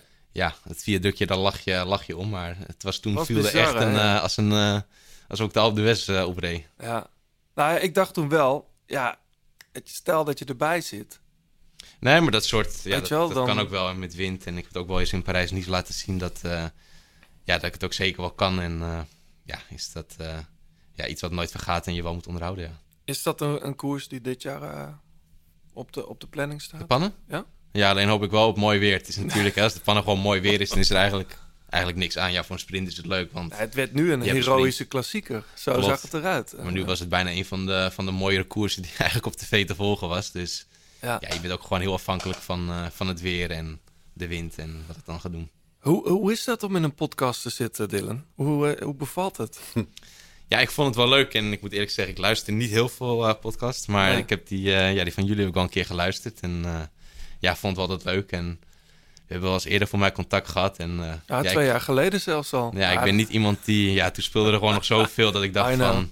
Ja, om nu echt eh vrij uit te gaan praten, het is nog een beetje lastig. Dus dat ga ik ook niet doen. Ik vond het geweldig en John ook. We Zeker. vonden het geweldig dat je er was. We wensen je heel veel succes aankomende seizoen. Met hoeveel overwinningen zou je blij zijn aan het eind van 2024? Eh, minstens tien.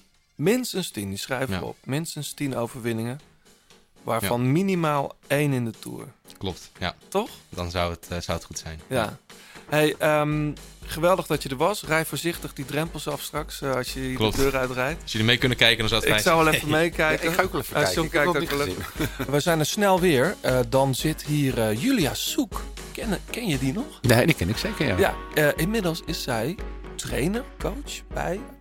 Bij, eh, bij Tour de Titema, Unibet. Zeker. En eh, de grote baas, als ik het eh, zo mag begrijpen. Nou, heel benieuwd. Hey, ehm, vergeet niet, voordat we mensen gaan bedanken... vergeet niet dat je dus je reacties en verhalen kan insturen... om kans te maken op een set exclusieve Vredestein gravelbanden. Eh, niet in de winkel te krijgen deze. De, de Grezzo's en de Zeta's zijn dat wel straks. Maar deze die je bij ons kan winnen niet. Wil je even checken hoe dat eruit ziet? Vredestein-aventura.com. John, jij gaat mensen bedanken. Zeker. Fleur Wallenburg voor het uitlenen van haar prachtige stem. 36 Cycling voor de fietskleding die je hier kunt winnen. En eh, jullie natuurlijk bedankt voor het luisteren. Laat even een reactie achter bij eh, Petje Af eh, op eh, Threads. de leukere Twitter eh, variant. Ja, vind ik dan. Hè. Op Apple Podcasts, Spotify of op Instagram, De Grote Praat. En wie weet, hou je volgende keer de podcast. Tot ziens. Tot ziens. Music.